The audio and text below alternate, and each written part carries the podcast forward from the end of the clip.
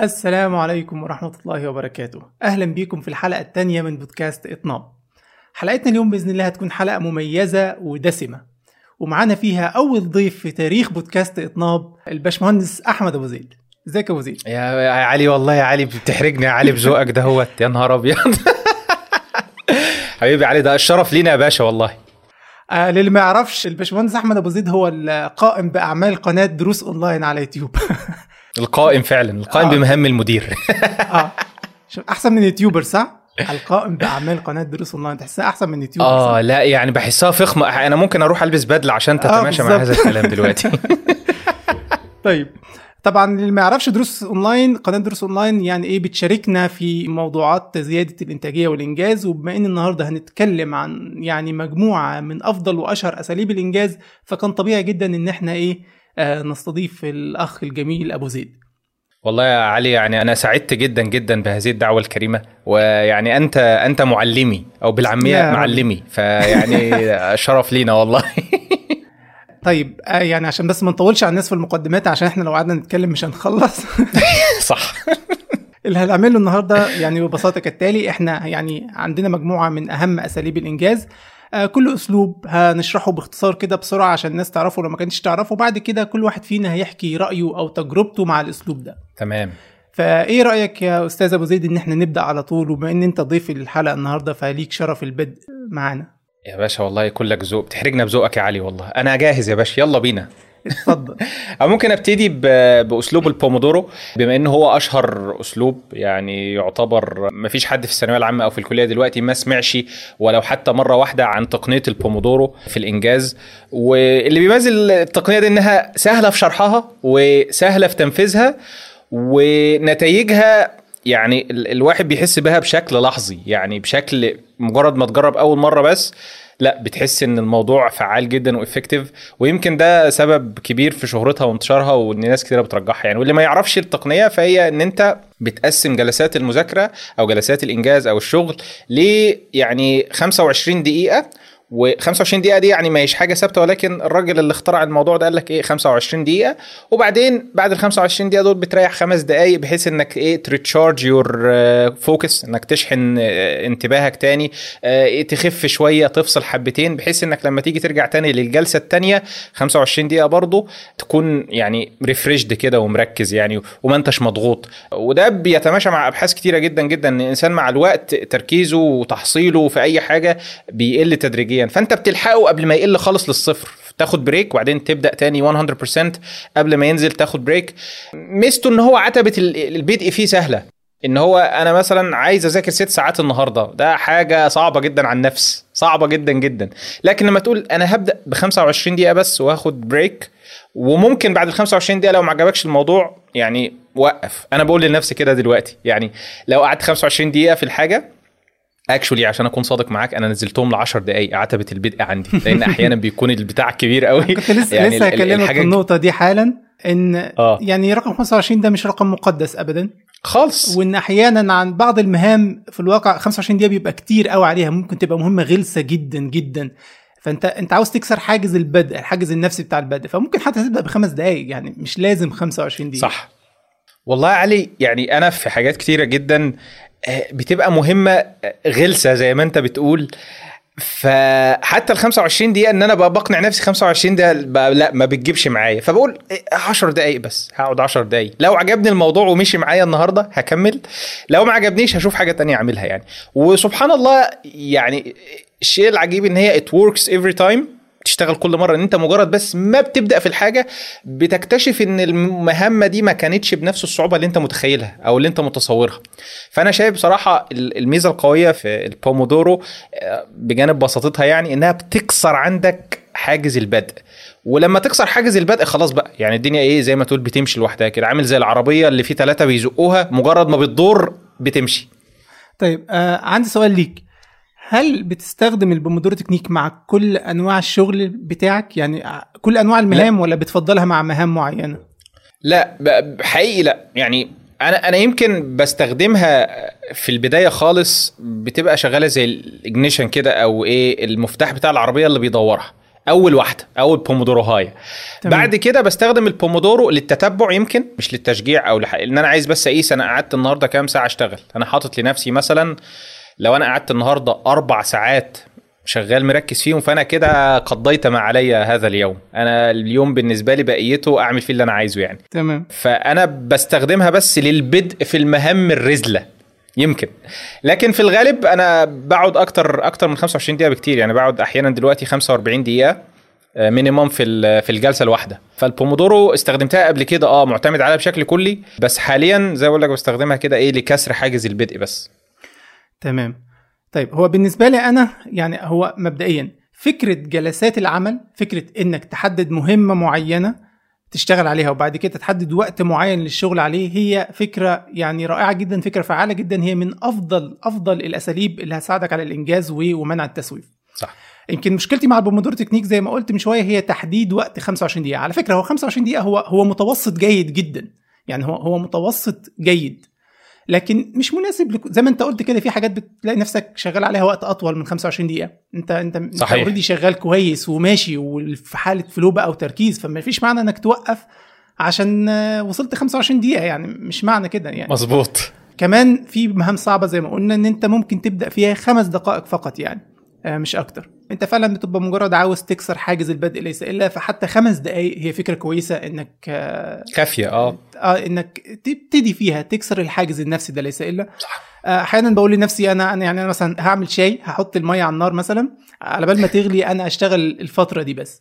آه طبعا حلو التركاية دي. آه ال... فأنت كده بتبقى عارف إن أنت إيه خمس دقايق وبعد كده هتروح تشرب شاي. فأنت آه. بتشجع نفسك يعني إن أنت إيه آه تشتغل الخمس دقائق دول ما يبقوش حمل نفسي عليك. صح. آه الفكرة طبعا هو ميزة بقى يعني ميزة تانية فكرة البومودورو وأربع بومودورو إن هي بتساعدك إنك ت track الوقت زي ما أنت قلت كده بالظبط برضو إن أنت ممكن تستخدمها عشان ت track الوقت اللي إيه اللي أنت اشتغلته. مظبوط. فأنا شايف إن ممكن أنت يبقى عندك هدف يومي من عدد الدقائق اللي تشتغله. مثلا 180 دقيقة 200 دقيقة مثلا. آه بس مش مهم بقى تشتغلوا 25 25 ممكن 10 15 ممكن لو مهمة سهلة نص ساعة ساعة ايا كان. صحيح. يمكن عشان السبب ده إحنا عملنا تطبيق سلطة الإنجاز. ب... جه في دماغي على طول السلطة. بالظبط. آه معتمد على فكرة البومودورو. بما إن كلمة بومودورو أصلها طماطماية في, في اللغة الإيطالية فإحنا خلينا الطماطماية ب 25 دقيقة وبعد كده أضفنا خضروات أخرى كده بدقائق مختلفة من أول خمس دقائق لحد ساعة. صحيح. ويبقى عندك هدف يومي عاوز توصل له. ساعة مثلا ثلاث ساعات على حسب نوع شغلك لأن على فكرة الموضوع بيختلف جدا.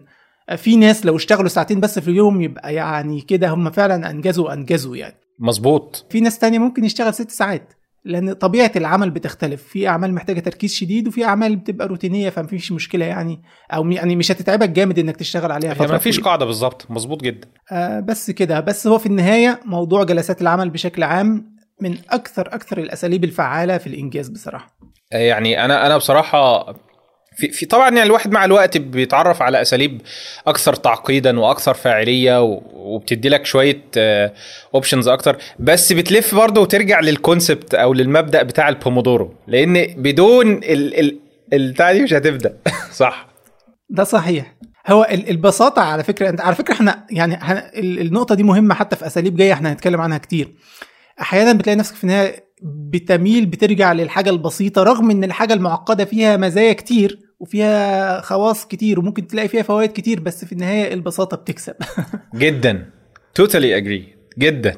طيب تمام. كده ممكن ننتقل للتاني أسلوب معانا في في حلقة اليوم وهو eat the frog أو فلتأكل ذاك الضفدع.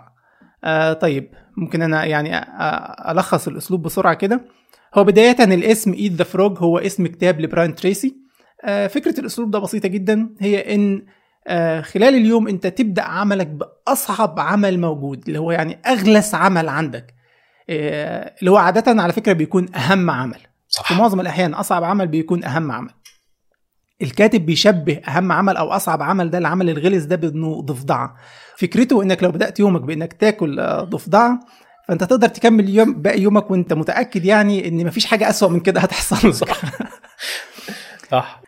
الفكرة إن اتباع الأسلوب ده يعني هيزود نسبة إنجازك بشكل كبير جدا. يعني في الواقع أنت لو بدأت بأصعب عمل باقي المهام الموجودة عندك هتبان إن هي أسهل مما هي عليه بالفعل. وده عكس من لو إنك بدأت بالسهل. مشكلة ناس كتير اللي هي اللي المشكلة اللي الأسلوب ده بيحاول يعالجها إن ناس كتير بتبدأ يومها بالسهل وترتب المهام اللي عندها بالسهل. فيبتدي مهمة ورا مهمة ورا مهمة سهلة يخلصها. بعد كده الوقت بيعدي ومستوى طاقتك بيقل. بعد كده هتيجي للعمل الصعب. في الواقع هتشوف إن هو أصعب مما هو عليه. لأن أنت طاقتك أصبحت أقل والوقت المتاح أصبح أقل. فده غالبا بيخليك تسوف وتأجل العمل المهم للأيام التالية.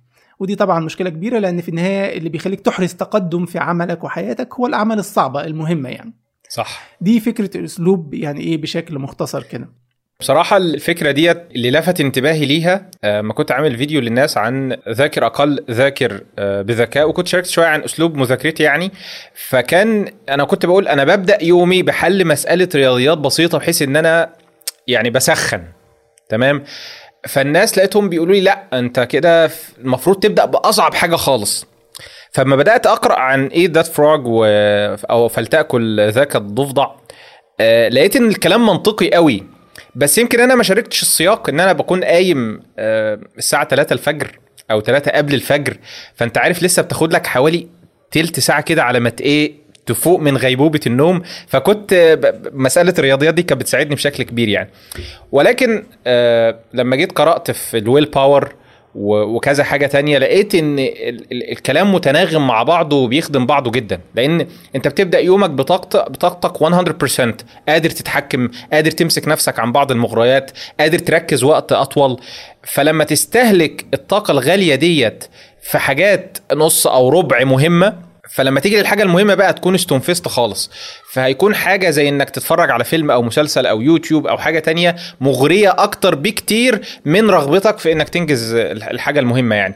فأنا شايف إن هو أسلوب آه، مهم جدا جدا جدا وبالفعل لما تنجز أول حاجة أو أكتر حاجة أو أكبر طوبة في يومك الأول ده بيسهل عليك إنك تحط الحاجات الصغيرة دي بعدين. بل بالعكس ممكن يبقى فن بالنسبة لك. تمام مظبوط. هو بس في نقطة مهمة هنا يعني حابب أوضحها. الفكرة مش في إن الأسلوب ده فعال أو مش فعال لأن هو فعال جدا بس لو قدرت تلتزم بيه ناس كتير بتقول إن هي ما عندهاش قدرة إن هي تبدأ يومها بأصعب حاجة. يعني صعب جدا أنت يعني في أول اليوم تبدأ. في ناس كتير بتحب موضوع التسخين ده إن أنا أبدأ يومي بحاجة سهلة أسخن بيها وبعد كده أبتدي أشتغل على الصعب. هو الكتاب في الواقع كتاب eat the frog أو eat that frog بيقول يعني بيدي حل للمشكلة دي. هو مش معنى إنك هتشتغل على الحاجة الصعبة إنك محتاج تخلصها كلها في في في ساعة يعني أو في وقت قصير. لأ أنت هي حاجة صعبة بس ممكن تبدأ فيها بجزء صغير. يعني أنت هتبدأ بالمهمة الصعبة بس ممكن تستخدم ال Pomodoro technique اللي إحنا لسه بنتكلم عليه في إنك تشتغل على جزء صغير من الحاجة الصعبة. صح. وبالتالي كده هتبقى أسهل عليك إنك تبدأ فيها. يعني هو بيدي مثال برضه ظريف بيقول إن أنت لو عندك فيل وعاوز تاكل فيل إزاي تقدر تاكل فيل؟ الفيل ده حاجة ضخمة جدا إزاي تقدر تاكله؟ بيرد ببساطه بيقول لك هتاكله قطمه قطمه معلقة معلقة. بالظبط. آه يعني آه يعني في النهاية هو آه صعب وتقيل بس أنت هتبدأ فيه يعني إيه بأجزاء صغيرة فمش هيبقى بالصعوبة اللي أنت متخيلها. آه فدي نقطة مهمة. طيب آه في ناس تانية ممكن بتقول يعني برضو أسألك عن الموضوع ده. في ناس بيقول دايما نصيحة أخرى بتتكرر في كتب تطوير الذات وكده بيقول لك يعني ابدأ يومك بنجاح صغير زي مثلا يقول لك رتب سريرك أو كده. وإن ده بيحفزك وبيشجعك إنك إيه آه تدخل يعني تبقى في mood كويس بقى اليوم في mood إنجاز كويس بقى اليوم بحيث تقدر تنجز الحاجات المهمة اللي عندك. فهل ده في تناقض مع نصيحة eat the frog والله أنا أنا يعني أنا بشوف talks كتير و videos كتير لناس خاصة بيكونوا لهم خلفية عسكرية أو جنرال في الجيش الأمريكي مثلا أو حاجة فيطلع يقول لك اصحى الصبح رتب سريرك. لو عايز تغير العالم تغيير العالم بيبدأ بترتيب سريرك. الحقيقة أنا ما بحبش أرتب السرير خالص. يعني ما يعني ما بح... حقيقي يعني أنا ساعة ما بقوم من على السرير مش عايز أي حاجة تربطني بالسرير يعني. فأما ببص لل... للنصيحة دي من منظور تجربتي الشخصية يعني ما ببقاش شايف قوي إنها آه، مش عارف ما مشيتش معايا خالص. ممكن تكون دي بتمشي مع ناس كتير إن هو ما دام رتب سريره وأنجز حاجة في بداية اليوم فدي تشجعه يعني إن هو ينجز. بالظبط. معايا يمكن إنجاز عادة صباحية زي زي قراءة صفحتين مثلا أو إن أنا أراجع ال Readwise highlights بتوعي. دي بتديني push كويسة جدا. بس مش عارف ال push بسبب الدوبامين اللي بجيبه أو shot الدوبامين اللي باخده من إن أنا أنجزت عادة ولا إن إحنا نقدر نعتبره إن هو نجاح صغير في بداية اليوم يعني. مش عارف. بس تمام. موضوع تمام. السرير ده بالذات ما مشيش معايا. لا هو فكرته في موضوع السرير ده إنك إيه هو بيديك عادة إن أنت لما تبدأ يومك رتبت سريرك شكل السرير بيبقى حلو وهو مرتب فبيديك دفعه دوبامين كده ظريفة شكله مرتب. ثانيا لما بتيجي آخر اليوم وأنت تعبان وتلاقي سريرك مترتب وجاهز إن أنت تنام عليه بيخليك تتقبل بكتير فكرة إنك تتعب دلوقتي عشان تستريح بعدين. أنت بتقدر المجهود اللي بذلته الصبح أكتر في آخر اليوم لما تشوف إن أنت خلاص تعبان وجاي إيه ده وسريرك منتظرك مترتب وكده. فده بيخليك تقدر فكرة إنك تتعب دلوقتي عشان ترتاح بعدين. صح. بس هو الفكرة الفكرة الأساسية في موضوع ده هل في تناقض ولا لأ بين إبدأ يومك بنجاح صغير أو أو فكرة إنك تبدأ يومك بأصعب حاجة؟ هو مفيش تناقض لأن أنت ممكن النجاح الصغير ده يبقى في حاجات تانية في جوانب حياتك. موضوع eat that frog دايما مركز على مهام العمل. إنما أنت زي ما أنت قلت ممكن تبدأ يومك بقراءة يعني لو قرأت لو بدأت يومك بقراءة القرآن أو بدأت يومك بتمارين رياضية أو كده ده ممكن يحطك في حالة نفسية كويسة فعلا. صح. أنا مش شايف إن في مانع يعني إن مفيش تناقض عادي أنت هتبدأ يومك آه، بأي حاجة بتحطك في mood كويس في صحة كويسة في يعني حاجة آه، ترفع يعني من روحك ترفع من نفسيتك. وبعد كده لما تيجي تبدأ العمل هتبدأ بأصعب مهمة في العمل لا يعني. مفيش تعارض. مفيش تناقض كبير بين الاثنين يعني. صحيح. هو في الغالب المهمة الأولانية أو الانتصار الأول بيبقى حاجة روتينية يعني حاجة بتعملها كل يوم يمكن بشكل آه، ما فيهوش تركيز كبير قوي عشان يدي لك ال jump start ديت عشان تحس إنك مثلا بدأت يومك أو بدأت شغل أو حاجة زي كده. فدي برضو لها مهمة كبيرة جدا جدا. تمام تمام. هو أنا برضو كنت عملت فيديو على القناة بس عشان يعني نحاول نلاقي حل وسط برضو بين الناس لأن ما زال ما زال في ناس برضو هتقول لأ أنا جربت إن أنا أبدأ يومي بمهام سهلة بتاعة العمل وكانت النتيجة أفضل. فطبعا البشر يعني كائنات معقدة فما نقدرش نحط قاعدة واحدة على الناس كلها. آه فإحنا بس بنقول حاول تجرب موضوع إنك تبدأ بالحاجة الصعبة وزي ما قلنا إنك تبدأ بجزء صغير من الحاجة الصعبة. ويعني وتشوف لما أنجزت الحاجة الصعبة اللي عندك في اليوم إحساسك بقى إيه بالظبط؟ صحيح. ومستوى إنجازك خلال أسبوع من الالتزام بحاجة زي كده كان شكله إيه؟ فعشان تقدر تقارن بس بين الحاجة اللي أنت بتفضلها وبين النصيحة اللي ناس تانية بتقولها. ممكن في النهاية توصل لنفس القرار يعني لأ إنك تبدأ بالحاجة السهلة آه، ده هو الأفضل بالنسبة لك ومفيش مشكلة طالما إنها ما بتمنعكش إنك تنجز الحاجة الصعبة في النهاية. كل الطرق تؤدي إلى روما. يعني أهم يعني حاجة إيه؟ اختار اللي يناسبك. يعني مفيش تعارض. آه هو أهم حاجة ما تقعش في الفخ إنك تقعد تعمل الحاجات السهلة وتلاقي نفسك عمال تسوي في الحاجات الصعبة بس هو هو ده مختصر الكلام. مم. إنك تتجنب إنك آه انشغالك بالأمور السهلة يخليك دايما بتأجل الحاجات آه الصعبة المهمة. صح. طبعا لأن هي لو صعبة وغير مهمة فالمفروض ما تعملهاش أصلا.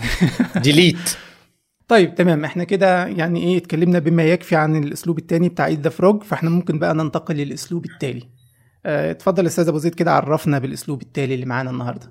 يعني والله بتحترمني قوي يعني الأسلوب الثالث اللي هو ال time blocking أو حجز الوقت. آه، التقنية دي أنا بدأت أسمع عنها من كذا من كذا مصدر بس اللي عززها عندي قوي آه، كان كال نيوبورت. كال نيوبورت بصراحة يعني آه، يمكن كان بيتكلم عنها بشكل غير مباشر في الكتب الخاصة بالإقلاع عن ال social media أو ال digital minimalism وفي نفس الوقت بيتكلم فيها عن الجزئيات الخاصة بالإنجاز والإنتاجية يعني. آه، بالنسبة لي كانت كانت مبدأ غريب شوية. كان كان صعب عليا إن أنا أستوعبه وأبدأ أطبقه. بس بعد فترة لقيت إن هو منطقي وسهل وبيسهل حياتك عامة. الأسلوب اللي ما يعرفهوش هو إن أنت بتحدد ساعات معينة دي ساعات العمل وما خلاف ذلك ممكن تحددها بقى دي ساعات مثلا الجلوس مع العائلة دي ساعات الرد على الإيميلات دي ساعات طبعا مش ساعات في الغالب بيكون نص ساعة أو أقل. ده ده الوقت اللي ممكن أتفرج فيه على حاجة ترفيهية. فبشكل ما بتمنع الاختلاط اللي إحنا بنعاني منه دلوقتي اللي كل حاجة داخلة في حاجة. يعني كل حاجة داخلة في بعضها. فأنت بتخلي وقت الشغل للشغل ووقت اللعب للعب. وقت الشغل ده انت مركز 100% في الشغل.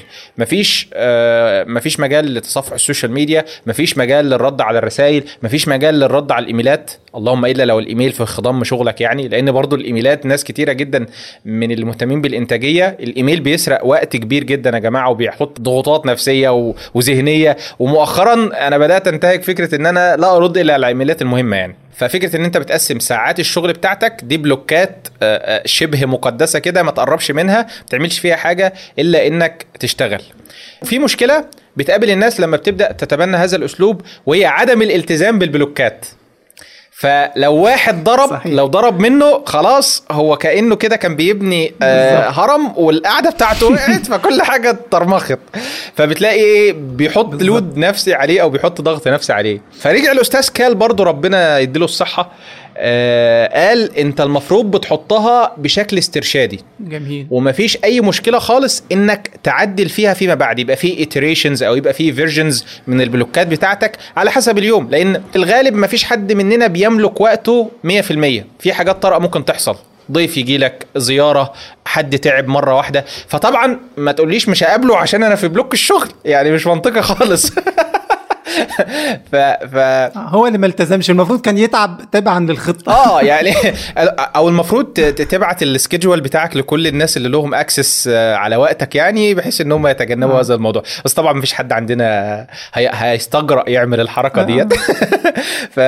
ف... فأنا بصراحة لما لما لما الحتة الأخيرة ديت ال fine tuning أو أو الضبط البسيط بتاع إن أنا أخدها بشكل استرشادي يا سلام يا علي. بقى الموضوع بالنسبة لي ممتع. ممتع والله.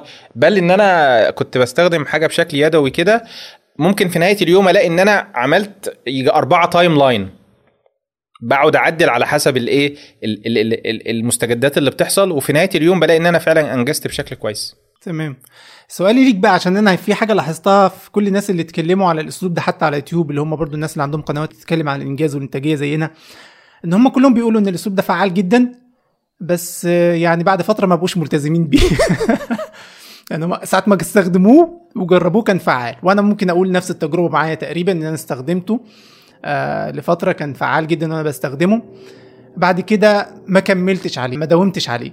آه فهو الأسلوب ده فيه صعوبة شوية زي ما أنت قلت كده. اولا إن هو لا يصمد كثيرا أمام التغييرات المفاجئة. يعني لو حياتك فيها تغييرات مفاجئة كتير بتحس إن أنت إيه بتضيع وقتك. أنا أنا عمال أجدول وأحط blocks ومش بلتزم بيها. في النهاية في حاجات كتير عمالة تحصل طارئة بتضيع لي كل الخطة دي. فأنت بتحس ان إن مفيش جدوى.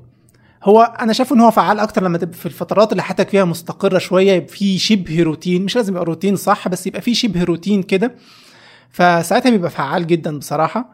ومفيد جدا. وأهم حاجة طبعا عنده إن هو بي يعني بيخليك أنت في أول الأسبوع بتعمل إيه؟ زي جدولة للاسبوع كله كل يوم بتحط فيه ال blocks. مثلا أول ثلاث ساعات في اليوم هشتغل على حاجات كذا تاني ساعات كذا. طبعا لو في مواعيد أو حاجات عندك بالفعل أنت عارفها في بداية الأسبوع بتحطها. طبعا عادة بتستخدم ال calendar Google Calendar أو أي calendar تاني application في الموضوع ده بتحطها. وزي ما قال أبو زيد كده بالظبط مهم جدا إنك تفهم إن ده استرشادي.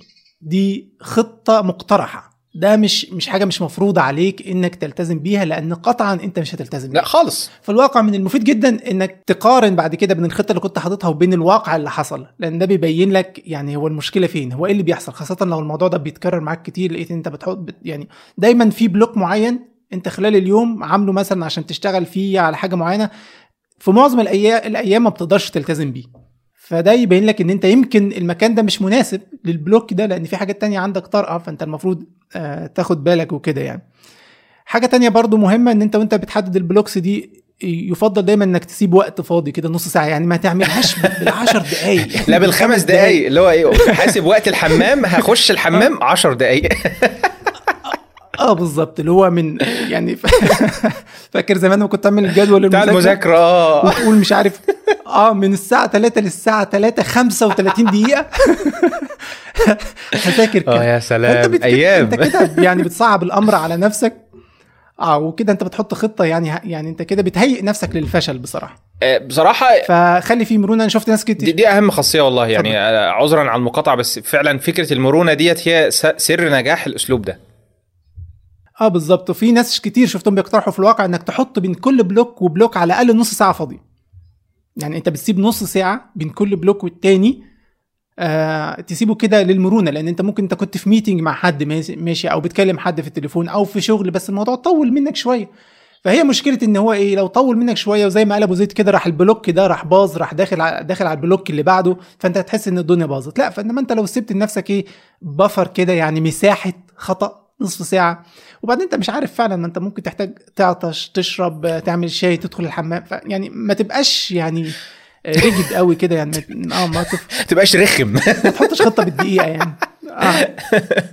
إنما هو فعلا من الحاجات الفعالة مناسب جدا للطلبة على فكرة طلبة يومهم شبه مستقر آه عندهم المفروض جدول محاضرات. حتى لو مش مش كل الأيام شبه بعض بس في جداول للمحاضرات في مواعيد للمحاضرات في مواعيد لكذا ممكن يظبط عليها وقته يعني وكده. مناسب للناس اللي هم بي بيشتغلوا يعني بدوام كامل أو مثلا دوام Part time. يعني مم. مؤقت اللي هو part time يعني جزئي يعني آه الناس بقى اللي هم وقتهم حر تماما هم يعني اللي عاوزين يبقى عندهم قوة إرادة أكتر عشان صح. يحافظوا على عن- على الموضوع عندك endless possibilities. يعني احتمالات لا آه، متناهيه بالظبط. لو أنا أقدر أعمل أي حاجة أقدر أروح أشتغل من كافيه أقدر أروح الكافيه وأشرب حاجة مش لازم أشتغل أقدر آه، أطلع أتفسح أقدر أزور قرايبي أقدر أعمل حاجات كتيره قوي. بيدخلك في حالة دواليتي كده أو حالة حالة ثنائية اللي هي أنت شغال طول الوقت و- ومش شغال في نفس الوقت طول الوقت. وبترجع في نهاية اليوم والله بيم- بيتملكك شعور آه، بالتقصير وشعور آه، إن أنا ما أنجزتش حاجة. رغم إن قد يكون إن بعض الأشياء أنت فعلا أنجزتها ولكن بسبب عدم عارف عارف يا علي اللي هو ما أنتش قادر تشاور وتقول أهي أنا أنا اشتغلت مثلا كذا النهارده. وده زي ما وضحنا قبل كده بتبقى مهمة أو فايدة التراكنج إن أنت لو جيت في نهاية اليوم حاسس إنك ما أنجزتش حاجة فلما تبص تقول والله آه ده أنا عملت كذا وكذا وكذا. فده بيخلي يومك ليه معنى شوية أو بيحسسك بالإنجاز فبالتالي بيشجعك إنك تكمل يعني. تمام. هو موضوع الحرية الكاملة ده لما تبقى أنت حر تماما في وقتك يعني هو شيء ناس كتير بتتمناه وتسعى له بس هم مش عارفين إن هو في تحدي جداً، فعلا جداً. في تحدي آخر يعني.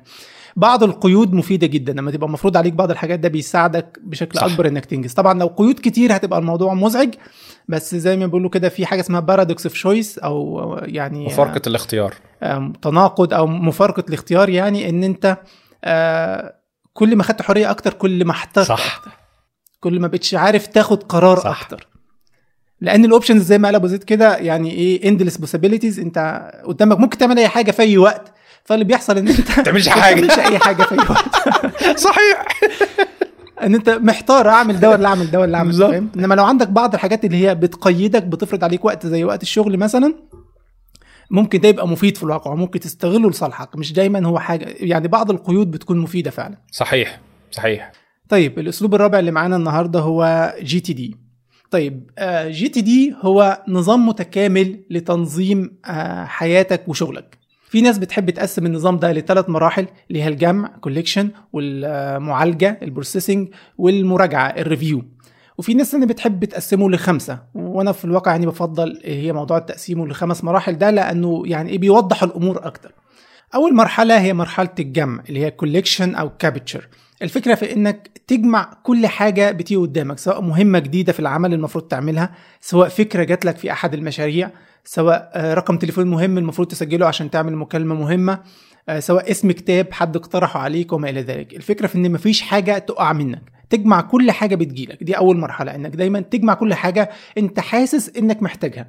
ممكن بعضها يبقى يعني يتضح لاحقا إنك مش محتاجه بس أنت مش هتعرف دلوقتي. أنت محتاج تجمع كل حاجة بداية.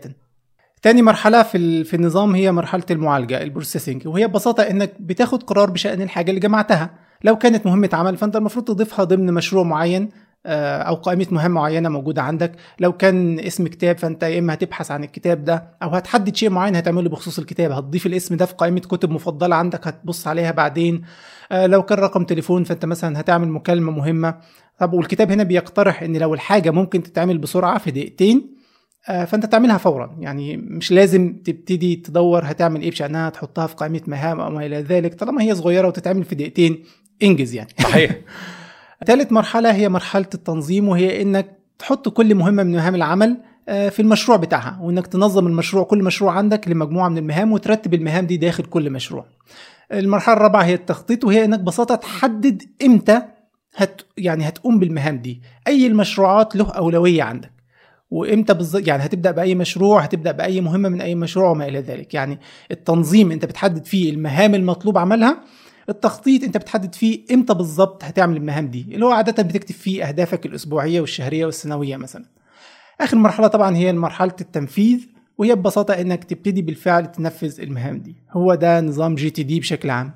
طيب هو نظام GTD يعتبر بديهي إلى حد ما يعني أنت بتجمع كل حاجة المفروض تهتم بيها بعد كده بتنظمها بعد كده بتخطط تعملها إمتى. يعني هو ده النظام ببساطة يعني. تطبيقه بقى بيختلف من شخص لآخر وعادة برضو الأدوات بتختلف من شخص لآخر لأن هو أنا شايفه هو مجموعة من المبادئ آه بس أنت ممكن تطبقها بكذا شكل يعني أو بأدوات مختلفة حتى. فبالنسبة لي مثلا أنا مرحلة الجمع آه بستخدم فيها Google Keep آه تطبيق Google Keep. أنا شايفه أسهل وأفضل طريقة في إنك تجمع أي حاجة في أي وقت. آه، ممكن صورة ممكن فكرة يعني لو أنا بتفرج على فيديو على يوتيوب وبعد كده اللي بيتكلم اقترح اسم كتاب مهم مثلا شايفه مهم أو شايفه كتاب واعد ممكن أقراه. فببساطة بكتب اسم الكتاب بسرعة في في note على Google Keep وبعد كده في مرحلة ال processing أنا بقى أشوف بقى هاخد الكتاب ده يا إما يعني يا إما هشتريه مباشرة أو إن أنا ببساطة أضيفه في قائمة الكتب اللي أنا ناوي أقرأها يعني. ف Google Keep بالنسبة لي كافي جدا وفعال جدا في مرحلة الجمع إنك تجمع كل حاجة أول بأول. ممكن برضو أنت نفسك تضيف notes فلو جات لي فكرة ممكن أضيفها كتابة أو حتى أضيفها صوتيا آه، من خلال ال application. آه، فيعني الموضوع ده بالنسبة لي كافي جدا فيه Google Keep. آه، مرحلة التنظيم والتخطيط أدواتها في الواقع بتختلف من وقت لآخر يعني وأنا على مدار السنين يعني غيرت الأدوات اللي بستخدمها. يمكن أول ما بدأت كنت بستخدم Trello في تنظيم المشاريع بالذات. آه بعد كده انتقلت ل Notion آه فترة طويلة. الغريب إن أنا وأنا دايما كنت يعني من من فترة للتانية كنت أستخدم تطبيق معين. استخدمت Trello استخدمت Asana استخدمت Notion. في الفترات في فترات التنقل دي كنت دايما بلاقي نفسي بحب أرجع إن أنا أستخدم Google Docs اللي هو ال spreadsheets بمعنى أدق يعني. okay. إن هي على قدر بساطتها الا إن هي مرنة جدا فاهم؟ بتحس إن هي أنت تقدر تحط فيها أي حاجة بأي تخطيط هو ما بيفرضش عليك أي شكل للتخطيط ابدا. ففي الواقع مؤخرا يعني الفترة الحالية أنا رجعت تاني أستخدم Google Docs يعني ممكن أتكلم شوية عن مميزاتها لاحقا يعني. أو خلينا أقول أكبر ميزة صراحة بتعجبني في Google Docs هو إن الحاجة موجودة كملفات. أقدر أنسخها وأعدل عليها أقدر انقلها من مكان لمكان أقدر أفتحها بأدوات تانية خالص. يعني لو افترضنا Google Docs لسبب ما قررت إن هي تقفل أو اتحجبت عندنا في مصر أو ايا كان فأنت تقدر تس... يعني الملفات دي تقدر تفتحها ببرامج تانية. ف... فما فيش مشكلة. ده على عكس معظم برامج ال to-do أو برامج ال project management الأخرى إن أنت الملفات بتاعتك آه، مش هتقدر تفتحها ببرنامج تاني على الأقل. أو ممكن يقول لك أنا اعمل لك منها backup بس backup تتفتح بنفس صح. ال application ما تقدرش تفتحها بحاجة تانية. آه بالإضافة زي ما قلنا في أول البودكاست ده فكرة البساطة. بشكل ما آه spreadsheet بالنسبة لي أبسط بكتير من من باقي الحاجات التانية. آه طبعا أنا هسيبك أنت تتكلم عن Notion بس يعني هقول ملحوظة سريعة عن Notion Notion ممكن يكون في بعض الأحيان ممتع جدا لدرجة إنك تضيع وقت زيادة على اللزوم في التخطيط. صح فاهمني؟ I feel you عمال بقى ده أنا آه ده أنا ده أنا ممكن أعمل كذا وأنا ممكن أعمل كذا أنا ممكن أربط ال database دي بال database دي وأجيب ال labels من هنا مش عارف تعمل إيه أيوه. هنا. وتلاقي نفسك انت عمال تضيع وقت في تخطيط الحاجات اللي المفروض تعملها بدل ما تعملها فعلا. رحت هناك رحت هناك كتير. آه بالظبط. فأحيانا في النهاية البساطة فعلا بتكسب وده الوقت الحالي. ممكن أرجع ل Notion لاحقا خاصة إن هم مؤخرا عملوا updates كتير. آه. لطيفة في ال database وكده. آه. وخلوا ال application يبقى سلس وأسرع شوية لأن بصراحه صراحة كان موضوع إن هو يعني مش سلس في التعامل وبطيء شوية كان موضوع رخم شوية. كان موضوع بيخلي الواحد مش حابب يستخدمه. أه. في بعض الأحيان أنا يعني. بصراحة يعني تجربتي مع GTD جيت بالمشقلب. يعني أنا م... يعني اللي خلاني أعرف GTD هي Notion بشكل ما. يعني الناس قد يكون إنها بتتعلم الأساليب الأول أو التقنيات أو النظريات في الإنتاجية وبعدين يبدأ يدور على الأداة أو ال tool أو التطبيق المناسب ليها. أنا اتعلمت Notion وأنا بتعلم Notion اتعلمت الحاجات دي من خلال شرح الناس لتطبيقات ال systems ديت جوه Notion. فبشكل ما Notion قدمت لي لل productivity systems وال GTD وديفيد ألن وال وال والحاجات الظريفة بتاعته. بصراحة ال flowchart بتاعه كان كان حلو قوي أنا بحب ال flowcharts جدا. آه لو is it actionable okay not مش عارف اعمل إيه. فكان كان ظريف جدا ولذيذ بالنسبة لي. وبالفعل قعدت أطبقه فترة طويلة في Notion آه وبصراحة رغم إن الحاجات اللي أنا كنت كاتبها كانت promising قوي وواعده جدا بس كانت أكتر بكتير من مدى قدرتي على إنجازها بس ساعدني في إنجاز حاجات كتيرة جدا. وساعدني إن أنا أ track آه، كذا مشروع في, في نفس الوقت يعني في نهاية الأسبوع بشوف أنا خلصت قد إيه في ده وخلصت قد إيه في ده. فدي كانت كانت كانت ميزة كبيرة جدا جدا جدا الصراحة يعني. أه الحاجة اللي اللي, بصراحة ال GTD فرق معايا فيها جدا هو ال concept بتاع ال capturing أو إن أنت تشقط الحاجة.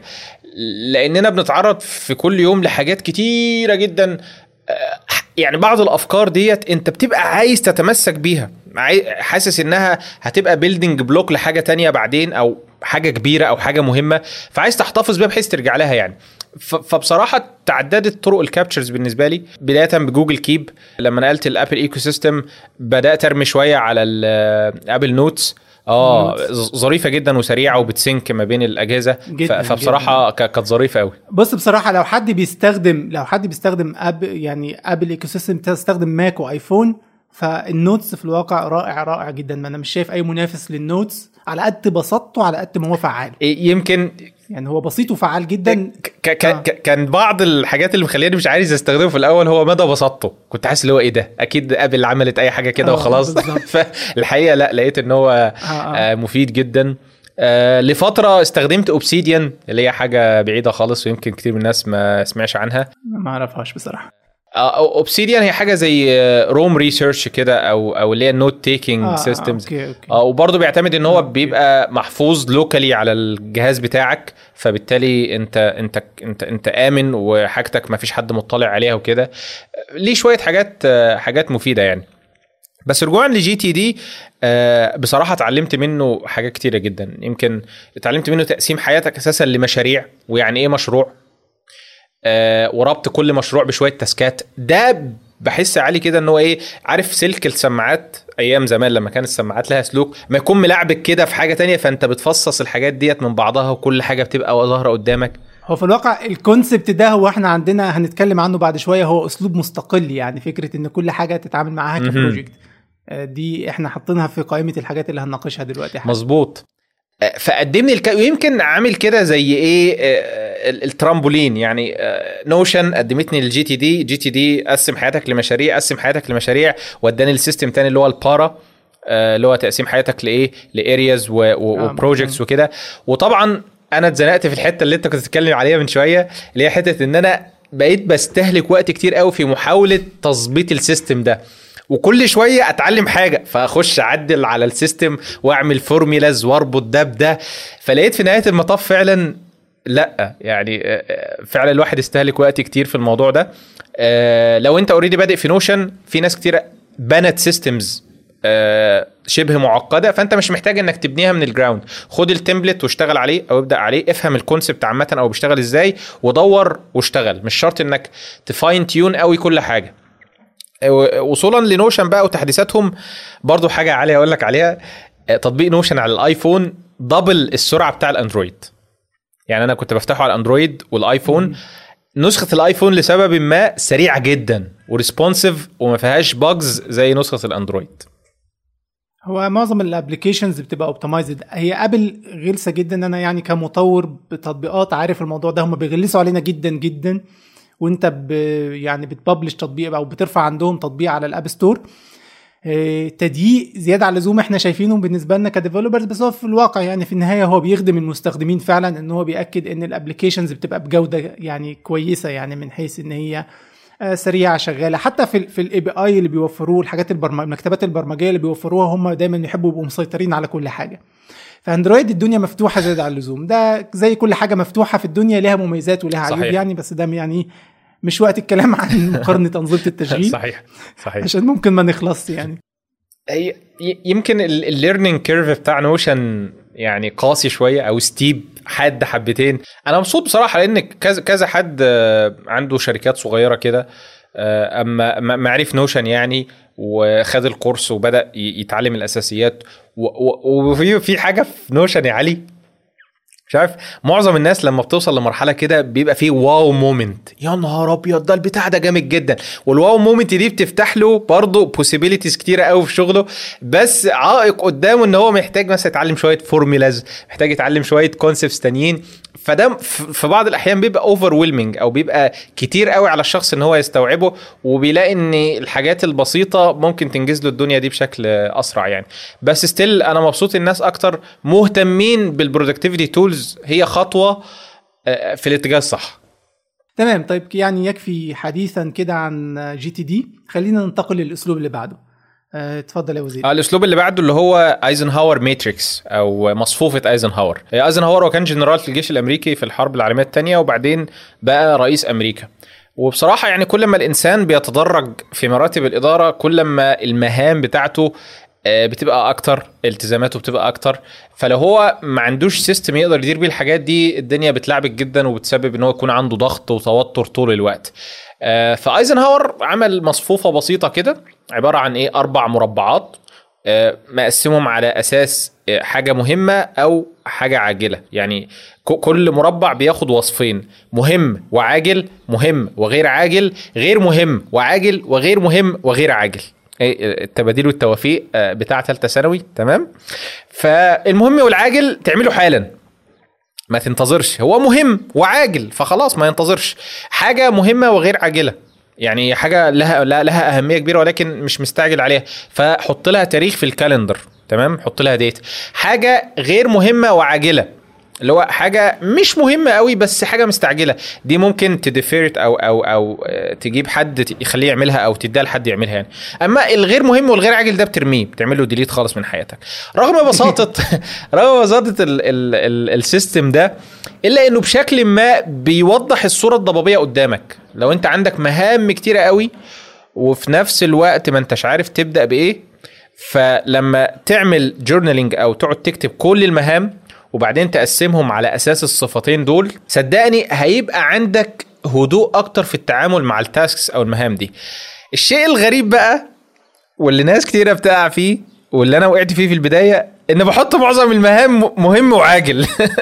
معظم المهام فبرجع لإيه؟ للمربع الصفر تاني واعرفش أعمل حاجة. بس حقيقي قليل قوي من المهام اللي بتكون مهمة وعاجلة. يعني مش كل المهام مهمة وعاجلة خالص.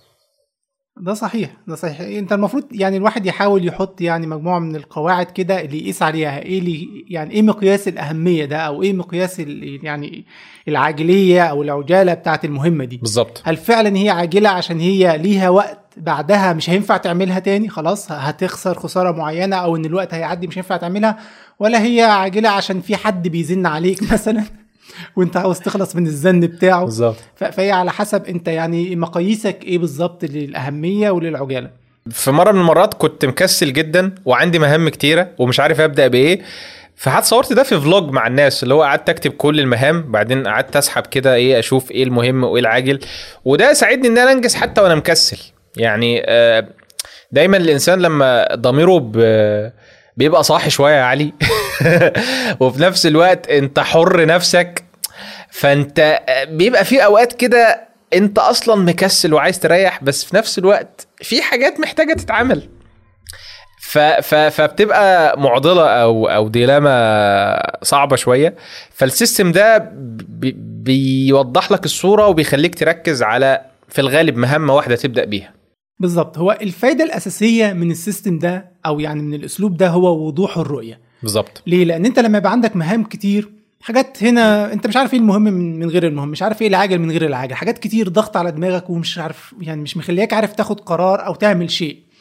ففكرة الاسلوب ببساطة هو إنه يهدي التشتت ده وإنه يوضح لك الرؤية. لا أنت مش محتاج تفكر في كل اللي عندك دلوقتي. في حاجات ممكن تنتبه ليها وتبتدي تشتغل عليها وفي حاجات تانية لا ممكن تنتظر صح. بعدين.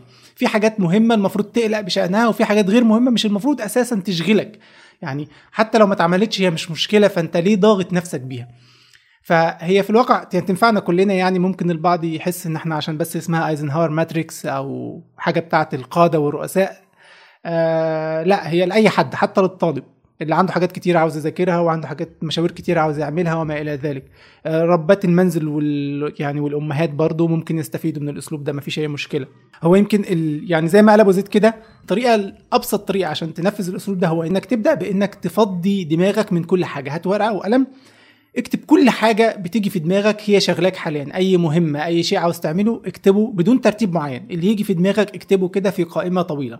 بعد كده ابدأ بعملية التصنيف. يعني ما تحاولش تصنف على الطاير كده يعني من دماغك في المربع لأن ده هيخليك إيه ما تعرفش تقيس موضوع الأهمية والعجالة زي ما قال أبو زيد كده لأن مش هتقارن الحاجات ببعض لكن أنت ما تفضي دماغك وتحط كل حاجة فهتبتدي تقارن الحاجات ببعضها فيبان ليك المهم من غير. المهم. آه فساعتها زي ما تقول كده تبدأ عملية التصنيف وأنت عندك صورة كبيرة عن الحاجات اللي شغلاك أو اللي عاوز تعملها فيبقى يسهل عليك عملية التصنيف شوية. آه أنا بعملها من وقت للتاني لما أحس إني مشتت آه أو عندي حاجات كتير عايز أعملها. فهي بصراحة يعني حتى بعد ما بتخلص التصنيف كده بتحس ببعض الراحة النفسية يعني إن أنت آه هديت كده. شوية. إن الأمور وضحت شوية آه. وده يكفي إن هو يكون عائد كويس للأسلوب ده يعني لأن هو بسيط مش هياخد منك وقت. يمكن بس النصيحة المهمة اللي تاخد بالك منها هو إنك المربع بتاع المهم وغير العاجل ده يكاد يكون هو أهم مربع لمستقبلك. بالظبط. طبيعي إنك تنشغل بالمهم والعاجل لأن دي الحاجات اللي عندك دلوقتي اللي ضغطاك دلوقتي. بس برضه ممكن تقع في فخ إنك عمال تأجل في الحاجات المهمة الغير عاجلة عشان هي غير عاجلة فأنت عمال تأجل فيها. لكن مهم جدا زي ما قال أبو زيد كده إنك لأ تحدد لها ميعاد يعني تحطها في الخطة. صحيح. يعني تقول أنا الحاجات دي آه هي غير عاجلة مش هعملها دلوقتي بس هعملها إمتى؟ محتاج تحدد ميعاد. وإلا لو ما عملتش كده فأنت هتفضل تاجلها للأبد يعني. اكزاكتلي وهتبقى مشكلة كبيرة لأن عادة الحاجات اللي في المربع التاني اللي هي الحاجات المهمة غير عاجلة هي أكتر حاجات هتفيدك في مستقبلك. يعني جرب تعمل ال ال ال الأسلوب ده كده مع نفسك لو حاسس بضغط وعندك حاجات كتير هتلاقي إن الحاجات اللي في المربع المهم وغير عاجل هي أكتر حاجات هتطور حياتك أكتر حاجات هتحسن حياتك. بالظبط. حقيقة يعني آه، أنت أنت إيه لخصت الموضوع بشكل عظيم عليه. ال ال الشيء الغريب جدا أو الشيء الشيء الحلو جدا إن في تطبيقات بتاعه المهام زي مثلا TickTick تبنت ال concept ده ك... كأحد ال- الخصائص اللي تقدر تقسم بيها المهام بتاعتك. بس استخدموا ال- أوضح حاجة بس بسيطة البرنامج اسمه TickTick ماشي okay؟ ما آه، آه. بتستخدم أي برامج تانية. رجاء. أكيد مش التاني أكيد مش. مش التاني هو تك تك أنا هضطر يعني- أكتبها على الشاشة للناس اللي بتشاهد الفيديو على يوتيوب. اللي هي التك اللي هي إيه لما بتعمل على حاجة تك علامة check كده اللي هو فيها تك تك اللي هو أنت عمال تعمل تشيكات يعني. آه، فهو أحيانا بشكل ما بيقدر يقسم ال tasks بتاعتك. انت مثلا دخلت التطبيق عملت task واديت له ميعاد آه، بكرة آه، واديت له مش عارف درجة أهمية أو أو درجة importance معينة فهو باستخدام آه، ال programming بتاعتهم بيحطوا لك في المربع المناسب ليه. فلما تيجي تفتح ال ال الشاشة ديت آه، بيوضح لك كده أنت بتشتغل على ده النهارده. فبصراحة ح- حاجة حاجة ظريفة جدا جدا جدا يعني وميزة ممتازة وتقلت من سهم تيك تك عندي بصراحة. بس انت ممكن تعملها في نوشن طبعا. انت تقدر تعمل أي حاجة في نوشن بس للشخص اللي آه بالظبط. اللي عاوز حاجة جاهزة اللي مش عاوز يبني حاجة من الأول بنفسه. وده على فكرة معظم الناس معظم الناس يكفيهم برنامج بسيط صحيح. لاداره المهام صحيح. والمشاريع يعني. صحيح. معظم الناس مش محتاجة كل الخواص اللي في نوشن فطيب جميل. آه يعني ننتقل بقى للأسلوب اللي بعد كده. يلا بينا. اللي هو uh, everything is a project أو تعامل كل عمل عندك كمشروع. طبعا ده جزء من يعتبر جزء من GTD لو انت هتطبق نظام GTD بس هو بغض النظر حتى انت لو مش هتطبق نظام GTD في حياتك فكرة انك تعامل كل شيء كمشروع دي فكرة مهمة جدا لأن ما يعني كثير من الناس دايما يقول لك أنا بخطط مهام اللي هي أنت بتعمل إيه يعني؟ اللي هو بكتب كل مهام اليوم والشهر والأسبوع كلها مع بعض. بغض النظر عن هي في أي جانب من جوانب حياتك بغض النظر عن هي في أي مشروع. آه يعني انت ببساطة لما يبقى عندك مشاريع كتير مفتحة وحابب أوضح حاجة هم- مهمة هنا. يعني إيه مشروع؟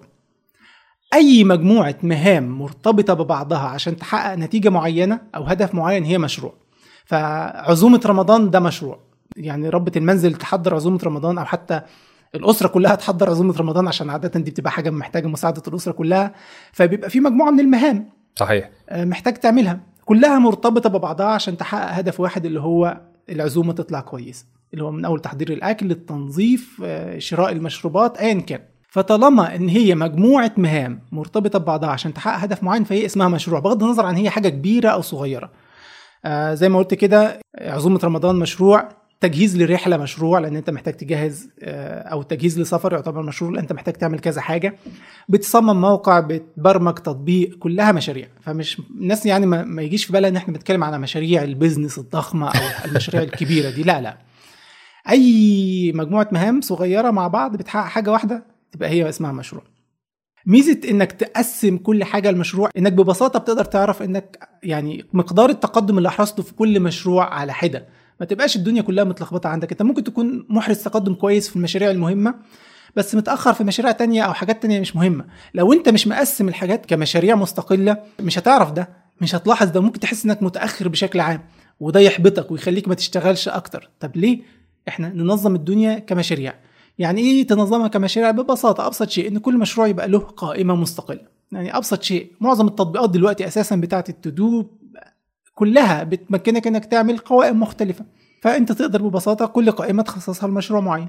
مشروع تعلم مشروع شغل مشروع تطوير ذات مشروع صحي ايا كان اللي عاوز تعمله يعني آه، تقدر تعمل له قائمة خاصة بالمهام اللي فيها عشان تقدر بس تقيس مستوى التقدم في المشروع ده. فكرة بسيطة جدا جدا لكنها غاية في الأهمية. حتى ومهمة خاصة للي مش عاوز يلتزم بنظام أكبر زي GTD أو نظام بارا أو أي أنظمة من الأنظمة التانية اللي هي معقدة شوية فإيه رأيك يا أبو زيد؟ بص آه، أنا عايز أقول لك في البداية خالص فكرة إن أنت بتكتب مهامك آه، دي حاجة حلوة. يعني ولما بتنجزها وتعمل عليها check أو تعملها يا سلام ممتاز. ال level up بقى هي فكرة إن أنت تبدأ تتعامل أو تعمل شوية processing بساط خالص على المهام ديت إنك تنسبها لحاجة تانية أو حاجة كبيرة أو تجمع كل شوية مهام مرتبطين ببعض في حتة معينة. دي بتعمل لك level up يعني زي في ال games كده ال character بتاعتك لأ بتبقى أقوى بكتير. فكرة البصيرة بتاعتك أو الرؤية بتبقى أحسن بكتير.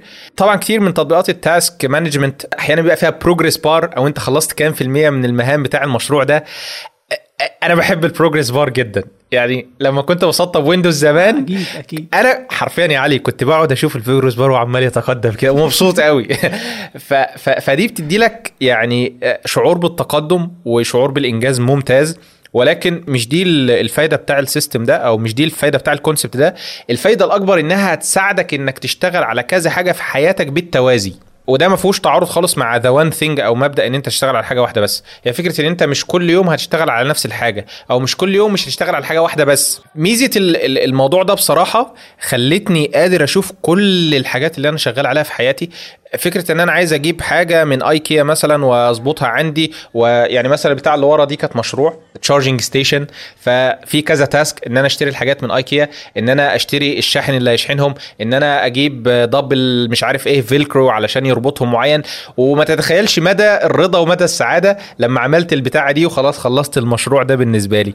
حاجة بسيطة خالص لها بداية ولها نهاية وفي خطوات معينة بتمشيها عشان تحققها يعني.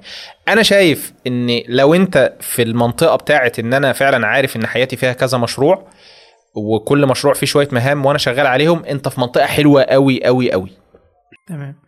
دي نقطة كويسة جدا اللي ذكرها أبو زيد بإن أما يبقى عندك البروجكتس دي بالفعل أنت مسجل المهام فيها وبالتالي عارف مقدار تقدمك في كل مشروع منهم ده بيديك فرصة إنك حتى لو أجبرت إنك تترك مشروع معين ما تشتغلش عليه لفترة بتبقى ضامن إنك لما ترجع أنت هتبقى عارف أنت إيه اللي عملته وإيه اللي لسه ما عملتوش. فده يعني بيريحك نفسيا حتى بتبقى عارف كل حاجة في حياتك واقفة فين بالظبط وبالتالي لما ترجع تكمل تقدر تكمل من النقطة الصح. مظبوط. فدي يعني من أهم من أهم ميزات الفكرة دي فكرة إن كل حاجة تعملها كمشروع. آه بالظبط. طيب الأسلوب اللي بعد كده هنتكلم عن ال pre-commitment فممكن أبو زيد بسرعة كده يعرفنا إيه هو ال pre-commitment النظام اللي بعد كده اللي هو ال pre-commitment اللي هو الالتزام المسبق إن الإنسان بيلزم نفسه قدام شخص أو قدام حاجة معينة كده إن هو ينجز الحاجة دي. آه مثال بيوضح الموضوع ده جدا. لو مثلا حد عايز يلتزم بالجيم فلو انت معتمد على تشجيعك الذاتي انت اتفرجت على فيديو من الفيديوهات اللي هي بتاعت إيه اللي عارف انت الفيديوهات ال motivation اللي هي بتسخنك؟ قوي أنا عايز أقوم اكسر تقدر.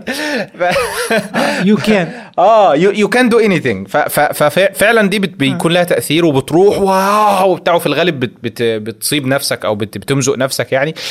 بس حتى لو التزمت كذا أسبوع آه، في نهاية المطاف مش ده المصدر اللي فعلا يخلي الموضوع ده sustainable الحل في الحالة دي بيكون إنك to hold yourself committed إنك يكون في التزام تجاه أو قدام شخص معين يسألك. الكابتن بتاعك مثلا أو ال coach أنا هاجي سبت واثنين وأربع فبالتالي لو رحت السبت والاثنين وما رحتش الأربع اتصل بيك يقول لك ما جيتش ليه؟ فلو أنت ما عندكش آه، ظرف أو حاجة معينة منعتك فمفيش حجة. فعلشان تتجنب إجابة الطالب ال- المتأخر أو البليد ديت أو الإحراج ده فأنت هتروح. وفي الغالب لما تروح هتنبسط إنك رحت يعني. وبرضه ممكن نقيس آه، الموضوع ده على الأكل. إن أنا لو عايز ألتزم بنظام معين فمن أفضل الحاجات إن to hold yourself committed قدام مثلا حد متخصص في التغذية تتابع معاه. يعني حقيقي لو أنت مشترك في أي service من ال services ديت أو متابع مع حد فالفلوس اللي أنت بتديها له جزء كبير جدا منها قصاد متابعته فقط مش قصاد توجيهاته قصاد المتابعة. آه إن هو في نهاية اليوم هيقول لك كلت إيه النهارده؟ أو كلتي إيه النهارده؟ عارف إحنا في الناس كتير في الثانوية العامة كانت بتاخد دروس خصوصية عشان تتابع مش عشان يعني فكرة إن في مدرس خصوصي كل أسبوع أو وراك درس كل أسبوع ده اللي بيخليك تذاكر وتلتزم مش إن المدرس نفسه كويس أو شاطر أو كده يعني. لا لا الحتة دي مهمة جدا يعني. ناس كده ما بتسألني مثلا على موضوع إن أنا أتعلم إنجليزي في البيت ولا أروح سنتر أو مركز أو مكان معين آخد فيه كورس. رغم إن أنا مؤمن 100% إن التعلم في البيت دلوقتي أفضل وأوفر وأسهل وكل حاجة ولكن للأسف كله مبني على حاجة ضعيفة قوي على أساس ضعيف قوي هو مقدرتك على التحكم في ذاتك والالتزام. فنسبة كبيرة جدا بقول للناس لا روح center عشان هو هيلزمك مرتين في الأسبوع أو ثلاث مرات تذاكر وتجهز presentation وتحل مش عارف إيه وتكتسب كلمات جديدة وتراجع على المش عارف إيه. فالالتزام في حد ذاته هيساعدك إنك تكمل وتتحسن سواء رضيت أو ما رضيتش سواء بمزاجك أو مش بمزاجك. فحقيقي من من أفضل الحاجات اللي ممكن تساعد خاصة الشخص الكسول أو الشخص اللي بيسوف كتير البري كوميتمنت هو يعني البري كوميتمنت باختصار هي فكرة إنك تلزم نفسك مستقبلا بشيء خوفا من خسارة سواء كانت الخسارة دي مادية أو معنوية. مادية مثلا إنك تخسر فلوس معينة استثمرتها زي إنك تشترك في الجيم لمدة سنة. مثلا فأنت كده بتبقى عاوز تحفز نفسك إنك تروح الجيم باستمرار وإلا هتخسر الفلوس اللي دفعتها في الاشتراك. أو إنك تعلن أمام حد أو تلزم نفسك أمام حد بشيء معين. طبعا لو ما التزمتش هيبقى شكلك وحش فدي خسارة معنوية يعني. هيبقى هيبان إن أنت شكلك مش كويس قدام الناس. أنا عايز أقول لك إن في ناس بتدفع السنة قدامه وما بتروحش برضه. أيوه أنا أنا هتكلم عن النقطة دي حالا. هتكلم عن النقطة دي.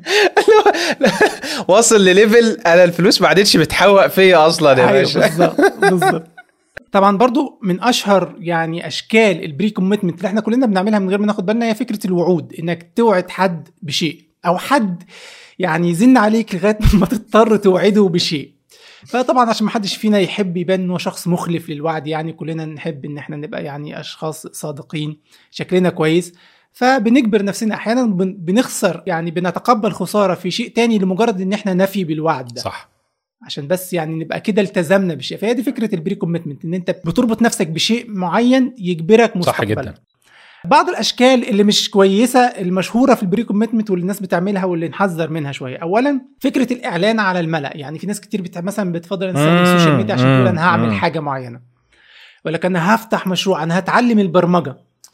مشكلة الموضوع ده خاصة يعني الإعلان على الملأ في الحاجات الطموحة بيبقى مشكلة أحيانا. ان أنت لما بتشوف ناس بتعمل كده تلاقي مثلا في التعليقات كلها عمالة تمدح فيه كأنه أنجز بالفعل بالظبط. نجح. يعني فاهم؟ مش هو لسه هيلتزم لا، كأنه أنجز. فده أنت بقى يعني كشخص أنت تلقيت كل المديح ده على شيء أنت لسه ما عملتوش أصلا فبتحس بعدها أنا خلاص يعني أنا أنا حصلت على جزء كبير من مش هعمله أصلا. قبل ما. أشتغل. آه فتلاقي بعد كده مع الوقت إيه تحس إن الحافز صح. بتاعك يقل. وتبتدي تبقى عاوز تدمن حتة الدعم والتهنئة المقدمة دي فتلاقي نفسك تروح تعلن عن شيء جديد.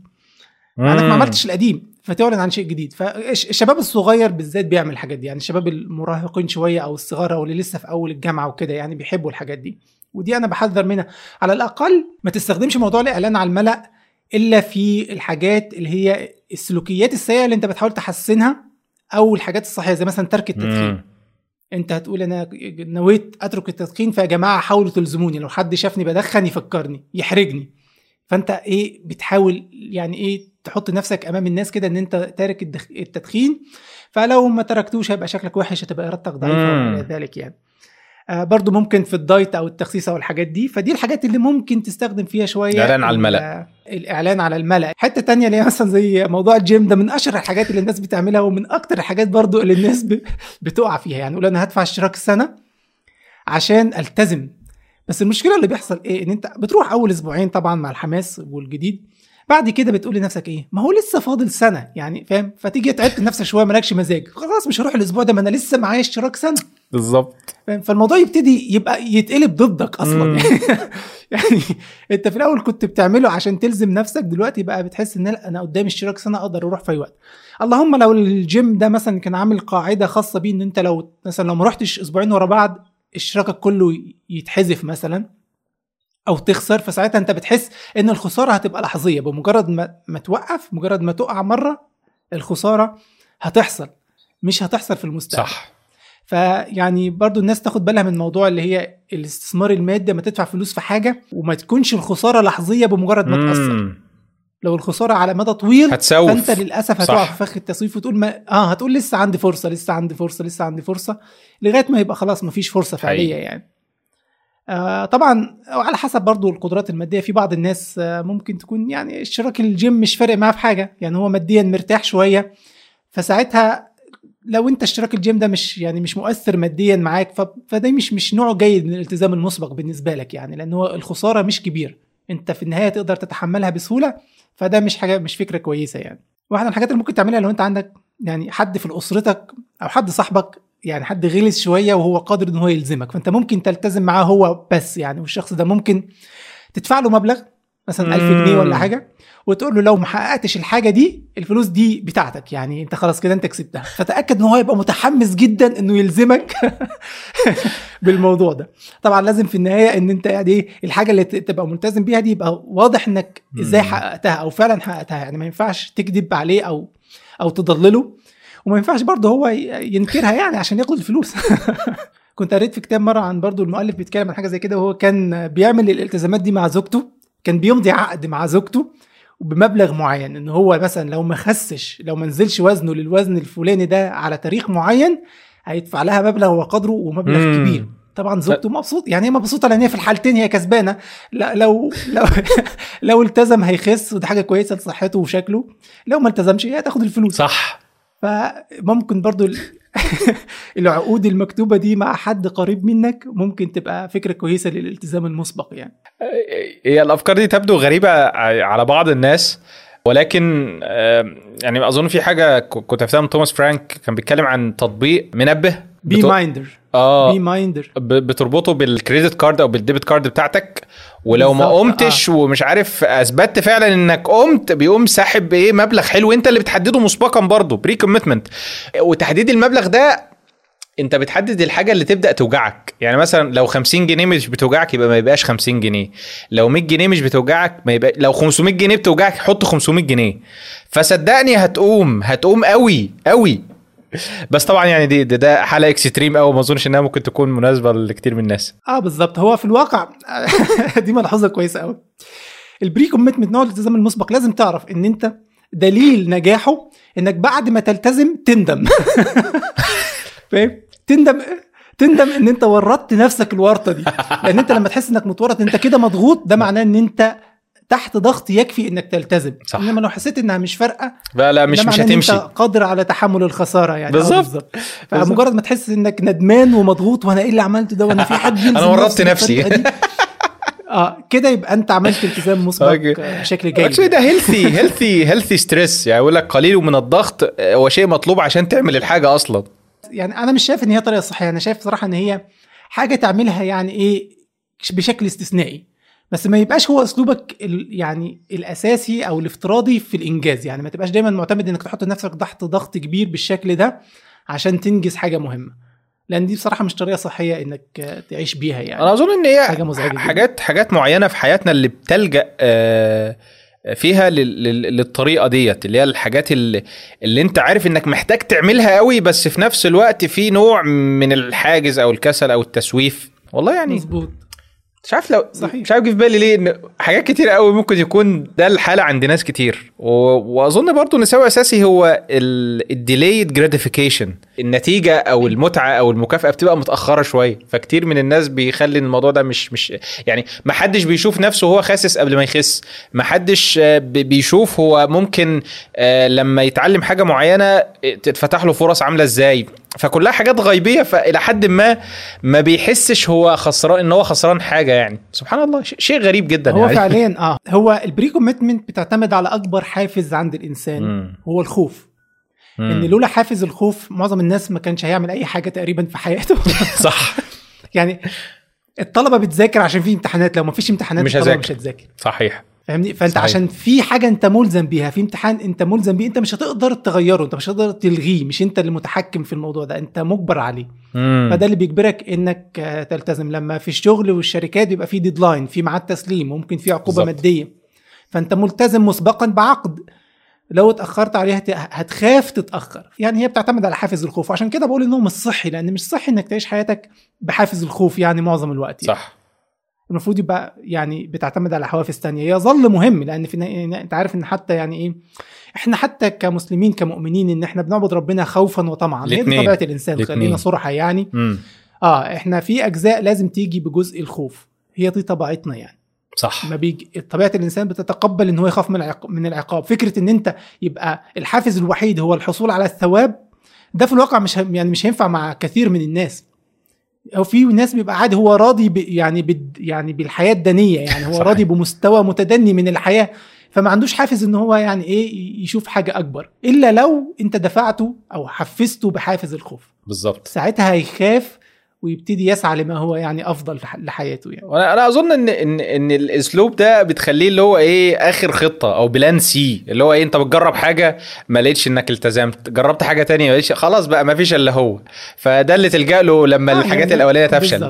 بالظبط. مش المفروض يكون هو الافتراضي يعني حاجة خليها آه كبديل يعني بعد ما تفشل في في في الأساليب الأخرى يعني. طيب جميل. الأسلوب الثامن اللي معانا النهارده بيتكلم عن ال time logging اللي هو تسجيل ومتابعة الوقت. آه، فكرته بسيطة جدا. يعني أنت ببساطة طبعا الأسلوب ده بتستخدمه لما تحس إن أنت إيه مش عارف وقتك بيروح فين. ببساطة كده بتحس إن اليوم اتسرق منك الأسبوع اتسرق منك. لو حد سألك أنت كنت بتعمل إيه الساعة كام ما تعرفش تجاوب. فالأسلوب ده بيساعدك على كده بشكل كبير. الفكرة ببساطة إن أنت كل حاجة بتعملها بتسجل الوقت اللي بتعملها فيه. أو بمعنى أصح بتحاول تسجل كل ساعة في يومك ممكن يبقى معاك جدول كده بساعات اليوم وكل ساعة بتسجل أنت كنت بتعمل إيه في الوقت ده؟ صحيت الساعة كام؟ من الساعة كذا للساعة كذا كنت مثلا بتذاكر كنت بتاكل كنت بتشرب كنت بتعمل أي حاجة بتسجلها. لو كنت قاعد على الكمبيوتر كنت بتعمل إيه بالظبط وأنت قاعد على الكمبيوتر؟ كنت بتشتغل على مهمة معينة ولا كنت بتتصفح ال- الإنترنت ولا كنت بتعمل إيه؟ مم. أهمية الأسلوب ده طبعا إن هو يعني إيه بيولد عندك وعي بطريقة استغلالك لوقتك. آه، بيكشف لك انت بتضيع وقتك في إيه بالظبط. صحيح آه، صحيح. الجميل في الأسلوب ده المفروض طبعا إن هو الجميل يعني الأسلوب ده هيساعدك يكشف لك المشكلة فين عشان تحلها. لكن في الواقع الالتزام بالأسلوب ده في حد ذاته هو بيحل المشكلة شوية لأنه بيخليك واعي بوقتك. فأنت نفسك يعني تخيل مثلا كنت قاعد من الساعة واحدة مثلا للساعة 3 قاعد بتتصفح على الفيسبوك مثلا. فأنت هتيجي تكتب بإيدك من الساعة واحدة للساعة 3 تتصفح كنت قاعد بتصفح على الفيسبوك. فانت هتبتدي تحس بالمشكلة بمجرد ما تسجلها فعلى الأقل ده يخليك واعي باقي اليوم إنك ما تضيعش المزيد من الوقت في الفيسبوك. فالتسجيل عامة التراكنج عامة بيولد نوع من الوعي بإن أنت تصحح سلوكك أول بأول. آه، كان عارف كان بعض دكاترة التغذية يعني والصحة لما بيبتدوا يعني يتعاملوا مع مريض جديد هي عايزين يعملوا له مثلا نظام غذائي صحي مثلا رجيم فيقول له طيب أنا عاوز أفهم نظامك الغذائي الحالي إزاي؟ يعني هو ظروفه إيه بالظبط؟ عشان أعرف أكتب لك نظام جديد يناسب يعني. فيقول له لمدة أسبوع مثلا آه، سجل لي نظامك الغذائي. يعني أنت بتاكل إيه؟ كل حاجة تاكلها سجلها. كل حاجة تاكلها سجلها أو تشربها. فاللي بيحصل إن الناس بمجرد ما تبتدي تكتب بتبتدي تلاحظ إن هي إيه؟ عندها مشكلة. يعني أنا ببالغ. أنا مثلا دي يعني مش هكتب سادس شوكولاتاية واخدها النهارده. كاتبها. فيبتدي من يعني لوحده يبتدي يحسن سلوكه. عشان ولو حتى من باب إيه؟ يعني منع الإحراج أمام الطبيب يعني إن أنا مش معقول هي هياخد يعني يشوف أنا كنت بعمل إيه يعني سلوكي الغذائي سيء جدا.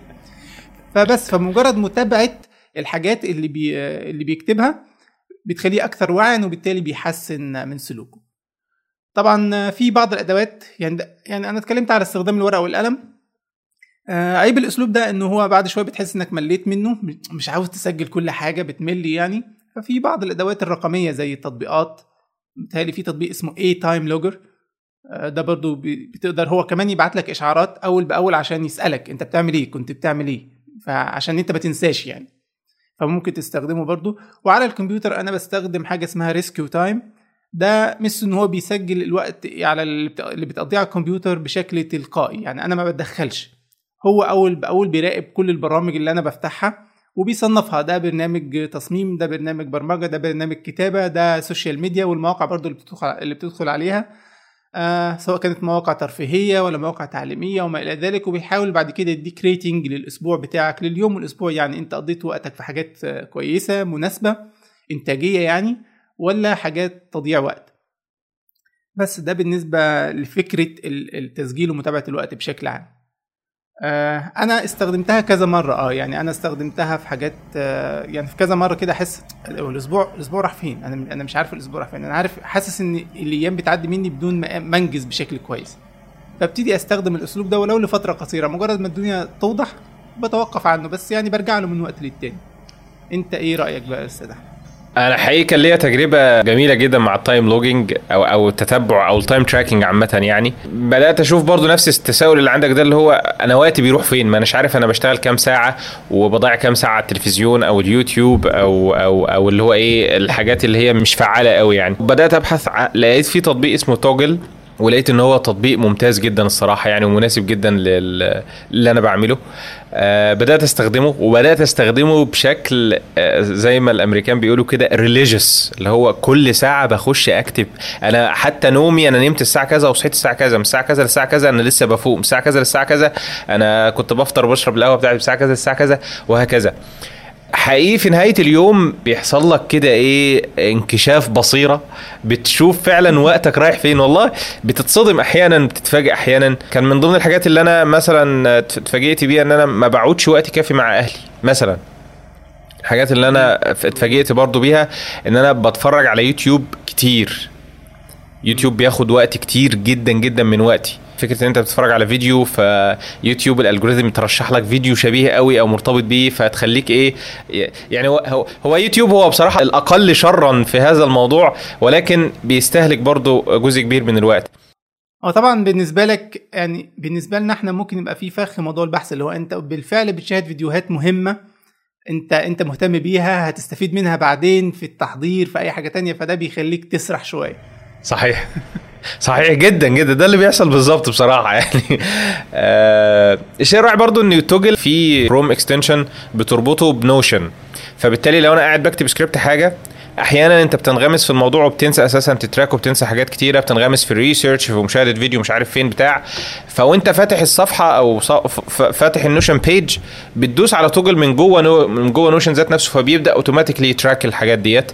بالإضافة إن هو كان بيبعت reminders كويسة وبي sync كمان مع Google Calendar فكانت كانت الدنيا ماشية مع بعضها كده إيه زي السكينة في الحلاوة الصراحة يعني. وفي نهاية اليوم بتبص كده لا أنا قعدت مش عارف نص ساعة هنا أنا قعدت ساعتين هنا. آه ممتازة. بس زي ما أنت كنت بتقول برضو مش هي الحاجة اللي آه بتقدر تعملها كل يوم. فإنك تستخدم تطبيق يفكرك أو أو أو يساعدك في الموضوع ده بيسهل عليك الموضوع كتير يعني.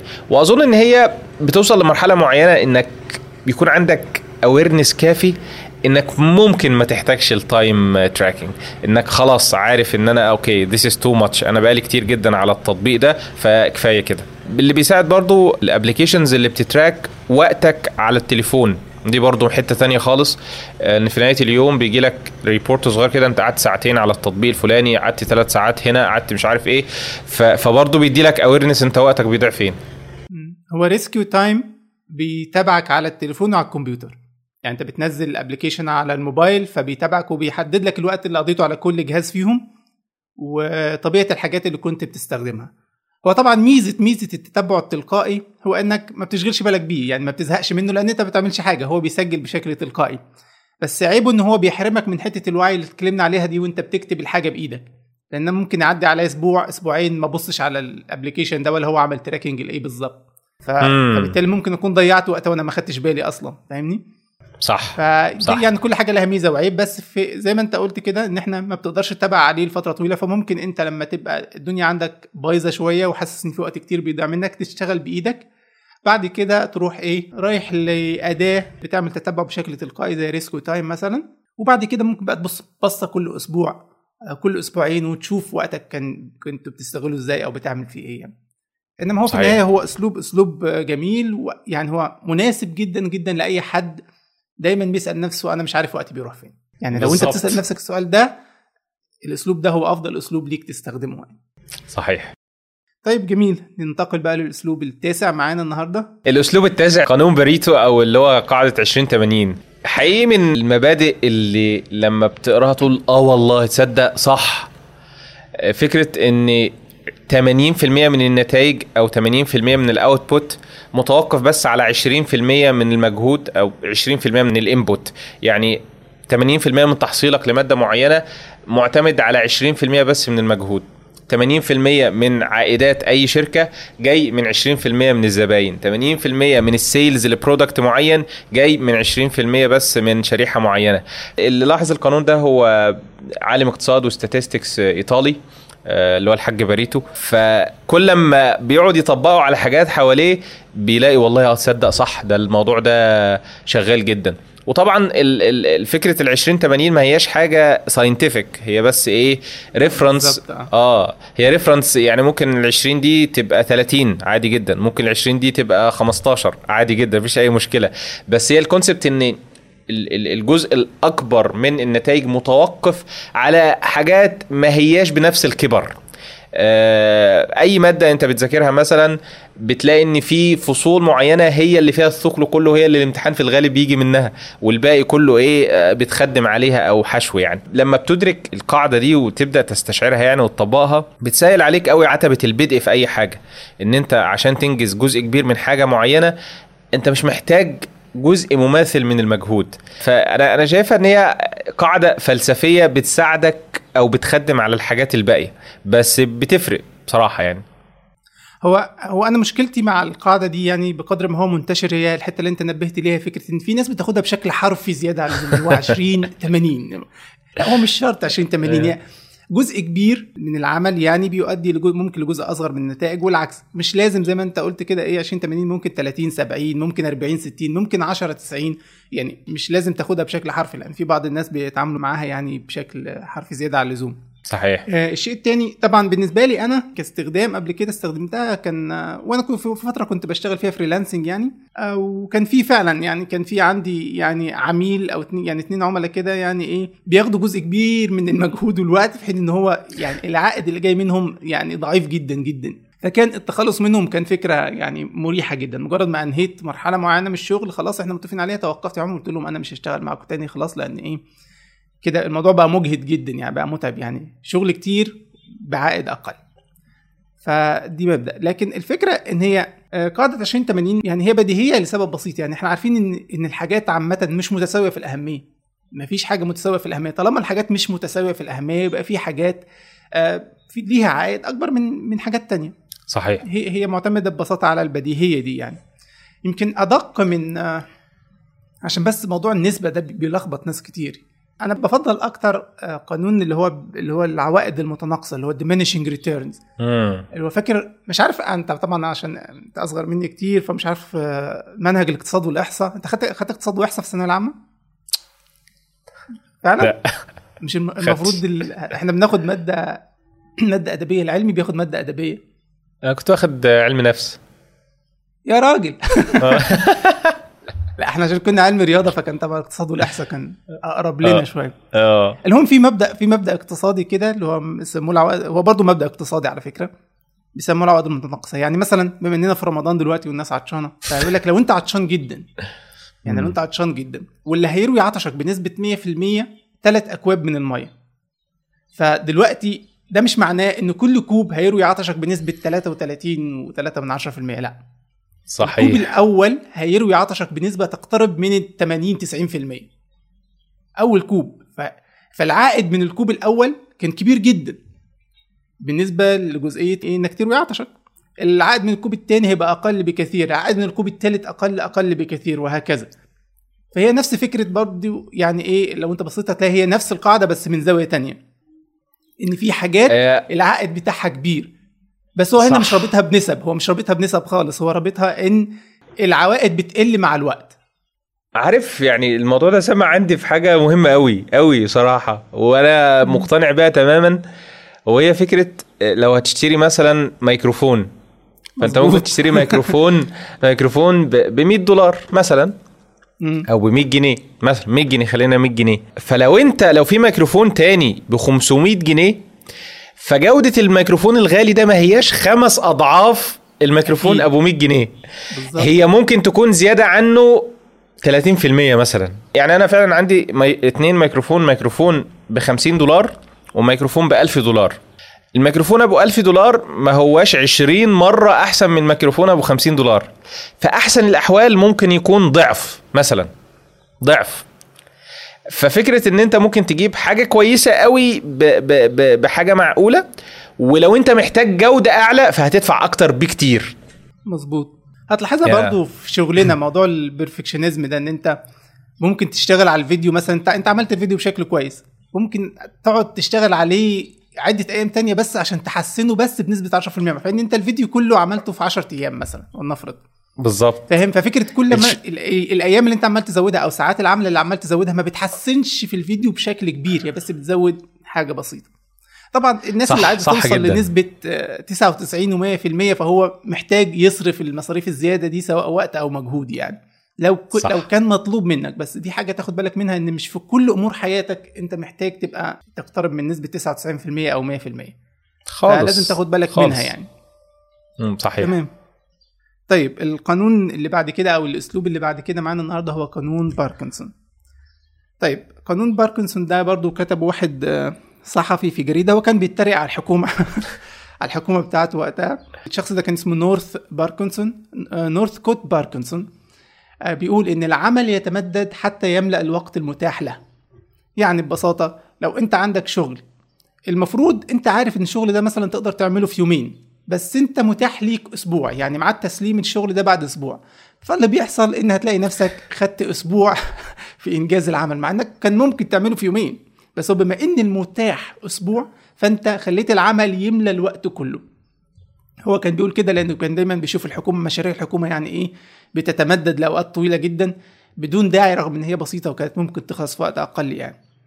فده طبعا كلنا يعني كلنا ملاحظينه لو عندك في الطلبة في الجامعة لو عندك حاجة المفروض تسلمها بعد شهر خلاص انت بتفترض ان انت هتسلمها بعد شهر. آه، ممكن طبعا كونك ان انت ما اشتغلتش عليها غير قبل ميعاد تسليمها بيوم فده نفس الفكرة برضو ان انت انتظرت عليها شهر كامل على بال ما إيه قررت انك تشتغل عليها. طبعا يعني دي مشكلة كبيرة لأن انت لأن إحنا ممكن نستغل قانون باركنسون عشان نزود إنجازنا بشكل كبير. الفكرة في ان انت ببساطة تحدد اللي بيسموه يعني إيه مواعيد تسليم وهمية أو غير حقيقية يعني إن أنا ميعاد التسليم ال- ال- الحقيقي مثلا بعد أسبوع بس أنا ممكن أخلص الشغل بعد يومين. ولو خلصت الشغل بعد يومين أنا كده عندي براح إن اولا ممكن أستمتع بوقتي وأنا مش مشغول ولا قلقان إن ورايا شغل محتاج يتسلم. ممكن آه، أزود كفاءة يعني جودة الشغل لأن ساعتها ممكن عملت الشغل ده في يومين فأنا هيبقى عندي مساحة إن أنا أحسن على الشغل. ريفاين بالتالي أنا أقدر أطلع جودة أفضل من غيري. أو ممكن ببساطة أشتغل على شغل تاني وأعمل مشاريع تانية. وبكده ده أكتر حاجة هتزود فيها إنجازك يعني أو إنتاجيتك أنت بالفعل أنتجت أكتر من شيء بدل ما تنتج شيء واحد فهو القانون آه، يعني آه، بديهي جدا أو يعني نفسيا كلنا بنقع فيه طالما عندنا براح للأسف بنستغل يعني إيه بنستغل البراح ده أسوأ استغلال أو مش عايز أقول أسوأ استغلال ما. ما بنعرفش نستغل البراح ده كويس يا دوب. يعني بنكتفي بالقدر المطلوب أو بالحد الأدنى من القدر المطلوب يعني أكتر أكتر حد بيعاني من الموضوع ده هم الطلبة وال freelancers أو ال self-employed الناس ال self-employed إن هو مثلا. عنده عنده midterm كمان شهر مثلا بيخ... بيقفل المادة في ليلة الامتحان. كلنا كنا هناك. يعني كلنا كلنا عملنا كده. اللي هو وفي ليلة الامتحان تقعد تلوم في نفسك تقول أنا كان قدامي وقت أنا كان قدامي. أنا ليه ما ده أنا لو ذاكرت كل يوم صفحة يا مسلم. أعمل مش عارف إيه. وتقول خلاص أنا المرة الجاية من أول السنة مش عارف أعمل إيه وبتاع. نفس تخش برضه في نفس ال cycle سبحان الله. شو. يعني رغم ان يعني إنك لو فعلا خلصت الموضوع ده في ال time frame المحدد ده أنت استمتاعك بوقتك بعد كده هيتضاعف. مش مجرد بس لا أكيد. يعني ده هي- هيتضاعف. دا دايما برجع لحاجة كنت جربتها لما كنت في الثانوية العامة. وهي فكرة إن أنا اعمل أذاكر الأول وبعدين ألعب. مش العب الأول وبعدين أذاكر. بالظبط. فاللعب بعد المذاكرة يا علي قصة تانية. لا أنا أقول لك أنا أقول لك أنا كنت بعمل إيه. أنا كنت بعمل ده في ابتدائي. كنت يعني كان أنت عارف في ابتدائي كان دايما يدينا في واجب. أنت لازم تعمل الواجب. وأهلك يقول لك إيه؟ ما تلعبش غير ما تعمل الواجب. آه يعني أم الله يرحمها كانت تقول ما تلعبش غير ما تعمل الواجب. الله يرحمه. فأنا الموضوع ده كنت يعني عايز أقول لك كان الموضوع مسمع معايا لدرجة إن كنت بحب أعمل الواجب قبل ما أوصل البيت. لا تتخيل إن كنت بطلع من المدرسة آه في مكان كده كان في الطريق على مصطبة كده كبيرة يعني كده وظريفة صاحبها مهتم بيها يعني كنت أشيل الشنطة أطلع الكراسة أكتب الواجب في الطريق للبيت وبعد كده أروح البيت ما ورايش حاجة. طبعا ده مش حبا في. الدراسة والتعلم ده حبا في اللعب. حبا في اللعب لأن أنت لما تخلص اللي وراك فعلا بتستمتع باللعب بشكل كبير. جدا. عاده كانت بتيجي على دماغي لأن باقي أصحاب الشارع يعني ما كانوش بيبقوا مخلصين الواجب واحيانا كنت بضطر أساعد بعضهم في الواجب. عشان نلعب عشان, عشان نخلص نخلص عشان ونلعب. نلعب. أنت متخيل؟ الواجب الواجب بس هو فعلا زي ما أنت. قلت أنت آه أنت لما بتخلص اللي عليك بتبقى عندك براح تستغله في إنك يعني زي ما انت قلت كده تستمتع بوقتك أو إنك تشتغل على حاجات تانية بشكل يعني ممكن يبقى عندك مشاريع جانبية. كلنا بنشتكي إن إحنا ما عندناش وقت كفاية. صح. آه، برضو النقطة اللي أنت قلتها بتاعت ال freelancers في الواقع الموضوع ده مع ال freelancers هو بيعتبر خسارة فلوس. امم لأن أنت ببساطة لما لما تاخد وقت أطول أنت الوقت التاني ده اللي كنت ممكن توفره كنت هتشتغله هتستغله في مشاريع تانية وهتكسب فلوس أكتر. فالموضوع. صحيح. فعلا يعني يفرق معاهم جدا. هو اللي بيخوف بعضهم من ذلك هو إنه لو سلم الشغل بدري بيدي انطباع إن هو ده الوقت الطبيعي اللي المفروض كان الشغل يخلص فيه وبالتالي ممكن يقابل عميل غلس شوية يطلب منه إن هو يقلل الفلوس أو العميل يبتدي يتوقع بعد كده إن دايما الشغل هيخلص بدري. فأنا نصيحتي لي أنت خلص الشغل بس ما تبعتوش يعني أنت التزم بالوقت اللي أنت ملتزم فيه مع العميل أنت خلص الشغل بس ما تبعتوش للعميل يعني. آه يعني خد وقتك اللي أنت متفق مع عليه مع العميل فعشان ما تورطش نفسك أي توريطه بس الوقت التاني استغله بأي شكل من صح. الأشكال دي, دي نقطة مهمة في جدا سؤال هنا في نقطة. اتفضل. إن بعض الناس ما موضوع إنك تحط لنفسك ميعاد تسليم مش حقيقي يعني أنت عارف يعني إن الشغل أو المذاكرة أو ايا كان الحاجة دي ميعاد تسليمها بعد أسبوع مم. وأنت عارف إنك تقدر تخلصها بعد يومين مثلا بس إيه اللي يخليك تقدر تجبر نفسك انك تخلصها بعد يومين؟ يعني موضوع انك تلزم نفسك بالميعاد الجديد اللي انت حطيته لنفسك. الميعاد اللي انت حطيته لنفسك ده مش حقيقي وانت عارف نفسيتك عارفه ان هو مش حقيقي. فده ممكن يدفعك للتساهل وانك إيه ما ما تلتزمش بيه. لأن في النهاية انت مطمن ان في ميعاد تسليم هو اللي ه... يعني اللي هتقدر اللي هيبقى مفروض عليك يعني.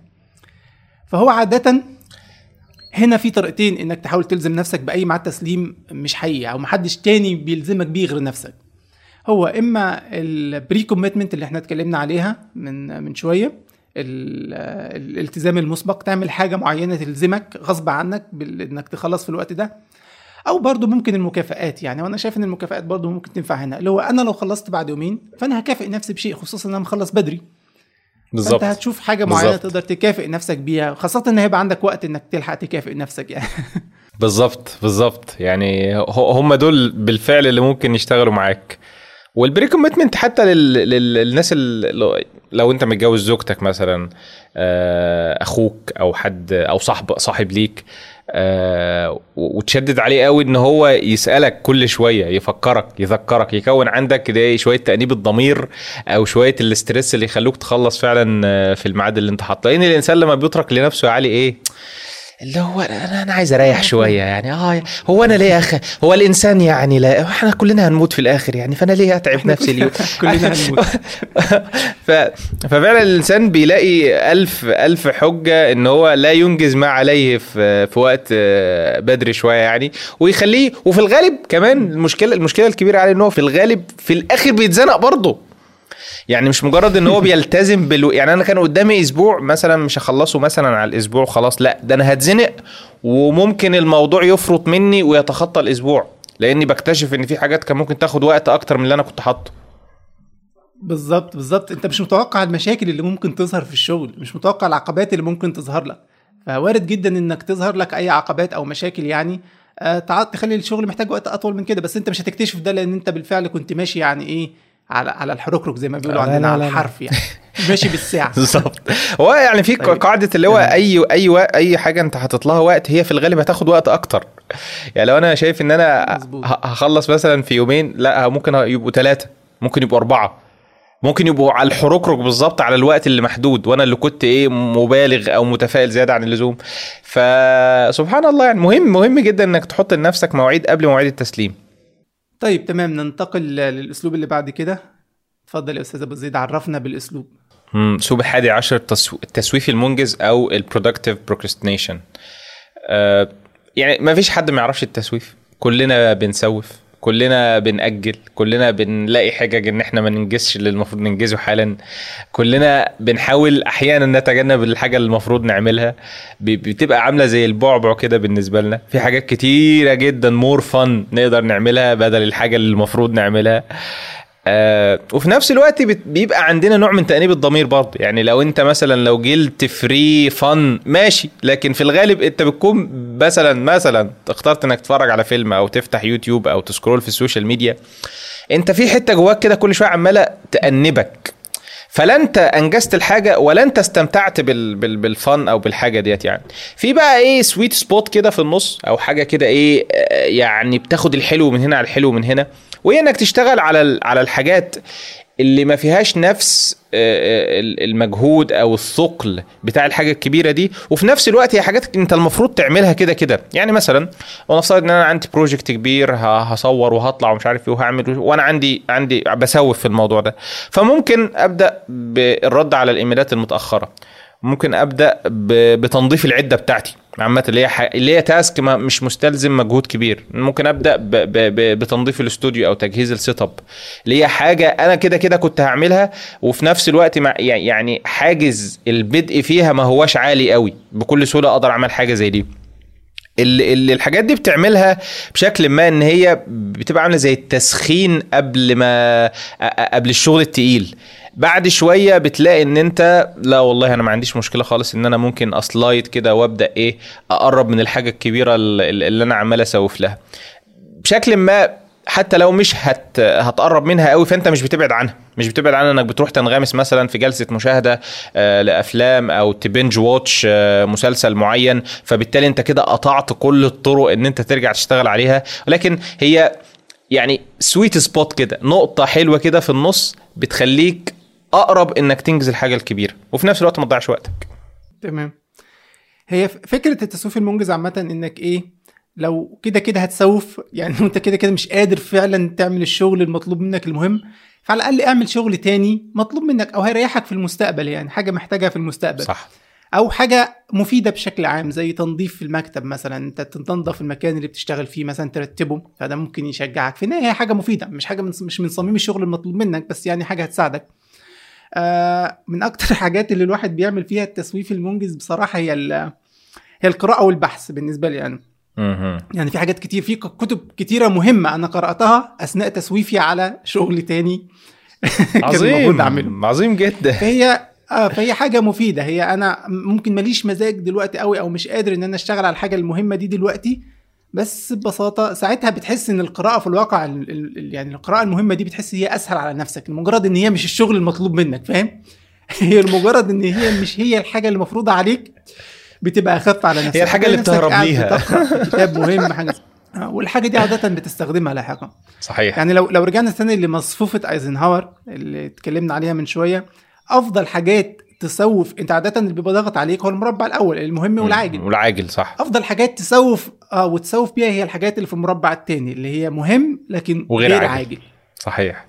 فدي صحيح. الحاجات اللي ممكن تسوف آه، فيها. ممكن برضو تسوف بالتخطيط إنك ترتب وقتك ترتب آه، أهدافك آه، ظبط يعني ال Notion setup ممكن تعملها. أب... مثلا أكيد أنت عارف الموضوع ده وأنا برضو انشغلت. فيه فترة طويلة على فكرة يعني للأمانة يعني. صحيح. بس فهي آه فهي طالما هتسوف فبلاش تسوف في حاجات آه يعني هتضرك في كلام فاضي في ال social media في الأفلام في الحاجات دي. الأسلوب اللي معانا بعد كده هو استغلال الوقت المفقود أو using of lost time. كلمة lost time بنقصد بيها الوقت اللي هو أنت مش قادر تستغله في حاجة مفيدة عادة. زي مثلا يعني أوضح مثال هو وقت المواصلات. لو أنت في المواصلات من مكان لمكان بيبقى صعب عليك تعمل حاجة تانية مفيدة يعني في الوقت ده. آه، لكن يظل في بعض الأشياء اللي ممكن تعملها. أوضح مثال على ذلك هو إنك تسمع البودكاست زي ما تكون. يعني بعضكم بيسمعنا دلوقتي زي إنك تستمع للكتب الصوتية وما إلى ذلك أو المحاضرات الصوتية ايا كانت. آه، يمكن عايز أحكي قصة سريعة كده إن شرارة بدء القناة بتاعتي بدأت من استغلال الوقت المفقود. آه، أنا في فترة في 2013 كنت شغال في شركة في وسط البلد. المسافة بين أو يعني بتاخد وقت ما بين بيتي للشركة ساعة على الأقل في المواصلات. فساعة رايح ساعة جاي يعني عندك ساعتين في اليوم يعتبروا ضايعين يعني ففي الوقت ده أنا يعني قريت عن فايدة الكتب الصوتية وقررت أجرب الموضوع وكنت جربته مع كتاب 4 Hours Work Week اللي هو بتاع تيم فيريس اللي هو آه، تيم واحد من. أشهر الكتب. في الوقت ده بالذات كان كتاب لسه جديد ويعني وعامل ضجة وكده عامل ضجة كبيرة آه فاستمعت ليه آه وعجبني جدا وسمعته أكتر من مرة في الواقع وبعدها يعني موضوع الكتب الصوتية عجبني بشكل كبير لدرجة إن أنا بقيت إيه يعني جبت كتب تانية واستمعت لكتب أكتر واستمعت لعشرات الكتب اللي كثير منها يعني أو يعني المفيد منها لخصته بعد كده على القناة وهو بدأ برنامج علي وكتاب على القناة. ممتاز. فتخيل إن حاجة يعني مفيدة زي كده زي القناة بتاعتي زي أو يعني حاجة مهمة زي دي آه، بدأت آه، من استغلال الوقت ضايع. يعني آه، أنا بصراحة بالنسبة لي المواصلات دي كانت بتبقى حاجة متعبة جدا. وما بحبش السواقة خالص. ما بحبش السواقة يعني خاصة في مصر يعني. أه لحد ما بدأت إن أنا فعلا الوقت ده أملاه بحاجة. يعني الفيديوهات الطويلة مثلا على يوتيوب اللي هي قد تتخطى الساعة ونص أو ساعتين والبودكاست عامة هي حاجة الإنسان في الطبيعي مش هيقعد يتفرج عليها مثلا في بيته كده أو هو قاعد على المكتب. نادرا لما حاجة زي دي بتحصل يعني. ال- ال- ال format أو ال- الحاجات اللي بالتوقيتات ديت بت fit perfectly أو بتبقى مناسبة جدا للأوقات الضائعة زي أوقات المواصلات أو أوقات اللي الواحد بيعمل فيها مهام روتينية متكررة بشكل مش محتاج منه آه، وعي كامل يعني. آه، أنا حاليا ب... وأنا مسافر مثلا بقيت بحب المشوار. لاني عاين بلاي ليست كده. آه يعني في فيديوهات على يوتيوب فيديوهات رائعة وفيديوهات جميلة جدا مفيدة جدا ويعني ممتازة. ولكن ساعة ونص. فدي بتفت قوي في الرحلة بتاعتي. يعني مسافة من القاهرة مثلا ساعة ونص ساعتين فده تمام كده. ده الفيديو ده نخلصه وإحنا رايحين. وإحنا راجعين نتفرج على حاجة تانية أو نسمع حاجة تانية. كمية الحاجات اللي أنا فعلا خلصتها آه وأنا مسافر آه لا يعني مش ممكن. حاجات كتيرة جدا استحالة كنت آه، أقدر أخلصها بشكل واعي وأنا بنجز حاجات تانية. آه، فحقيقي ال ال ال- البودكاست أو أو الفيديوهات اللي هي الفورمات بتاعتها طويلة شوية وقتها كبير مناسبة جدا جدا جدا للوقت اللي المفروض إن هو كده كده ضايع. واللي أنت أساسا ما بتحسش إن أنت عندك تأنيب ضمير إن هو ضاع. فلا ده أنت بقى كمان بتستفيد فيه فده بيبقى ممتاز جدا. ف وأكيد زي ما أنت كنت بتقول حالا إن في ناس ممكن يكونوا بيسمعونا دلوقتي وهم في المواصلات راجع من الكلية ولا راجع من الشغل ولا مسافر لحاجة معينة.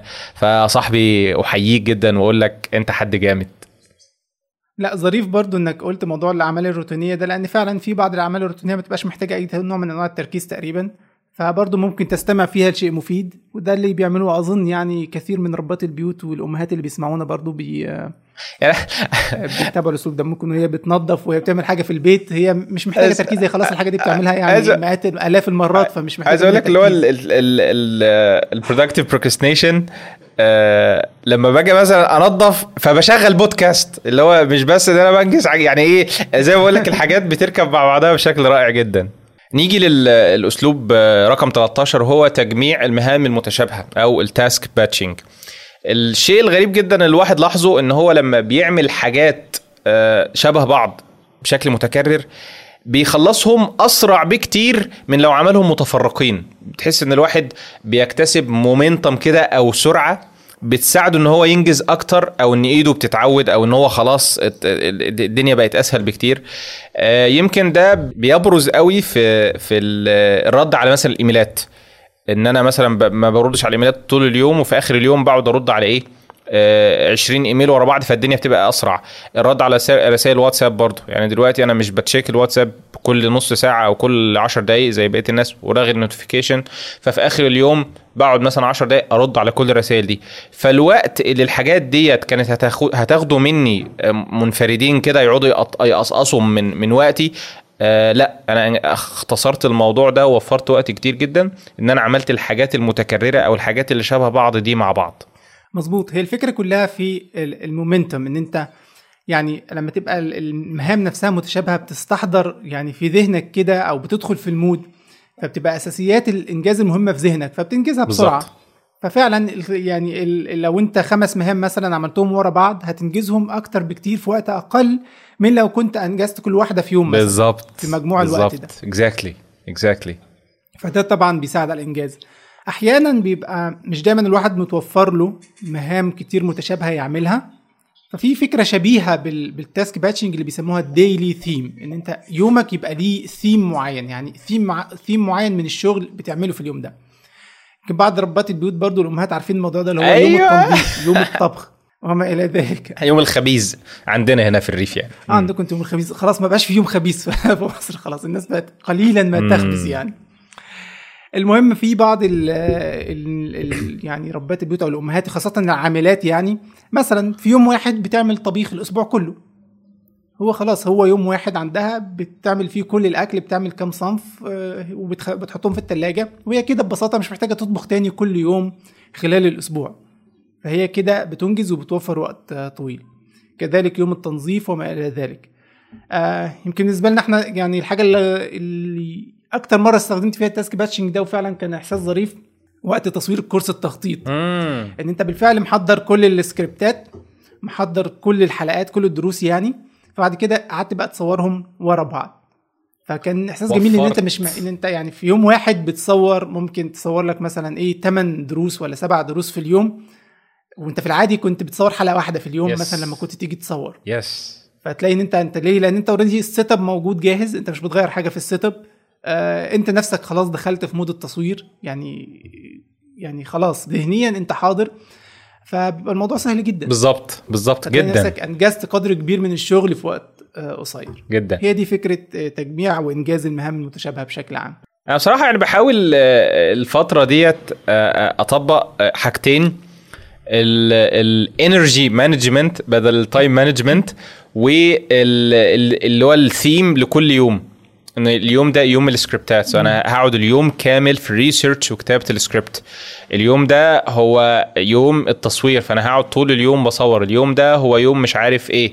فحقيقي لما لما لما بلتزم بالموضوع ده بيبقى مريح قوي. بحس إن أنت وصلت كده علي تقريبا بقى في threshold أو عتبة علشان تخش في حالة ال flow لازم تعمل الحاجة مدة معينة عشان تبقى خلاص في الفورمة آه، والدنيا ماشية معاك بسهولة. فأنا شايف إن هو أسلوب رائع بصراحة. تمام. الأسلوب الأخير معانا وأنا تعمدت إن أخليه آخر حاجة هو آه، الشيء الواحد أو the one thing The One Thing هو اسم كتاب برضو لخصناه على القناة. بيقترح فكرة بسيطة فكرة إن أنت عاوز تحقق إنجاز كبير في حياتك لازم تركز على حاجة واحدة لأطول فترة ممكنة. طبعا في يعني النصيحة دي لها شقين على المدى القصير والمدى الطويل. على المدى القصير اللي هو يعني على مدى اليوم والساعة يعني هو بنتكلم عن ال single tasking اللي هو لما تيجي تشتغل اشتغل على مهمة واحدة بس. بلاش ال multitasking بلاش تشتغل على كذا حاجة في نفس الوقت. اشتغل على مهمة واحدة تنجزها وتخلصها اشتغل على المهمة الثانية ده على المدى القصير. وعلى المدى الطويل إنك دايما تركز على مشروع واحد أو شيء واحد تركز عليه لفترة طويلة ما تبقاش عاوز تعمل 100 حاجة عاوز تتنقل بين 100 يعني عشرات الأشياء كثير من الشباب حتى دلوقتي عاوز يتكلم ما بين اللي عاوز يتعلم علم شرعي وعاوز يتعلم برمجة وعاوز يتعلم مش عارف تصميم وعاوز يتعلم إيه وع...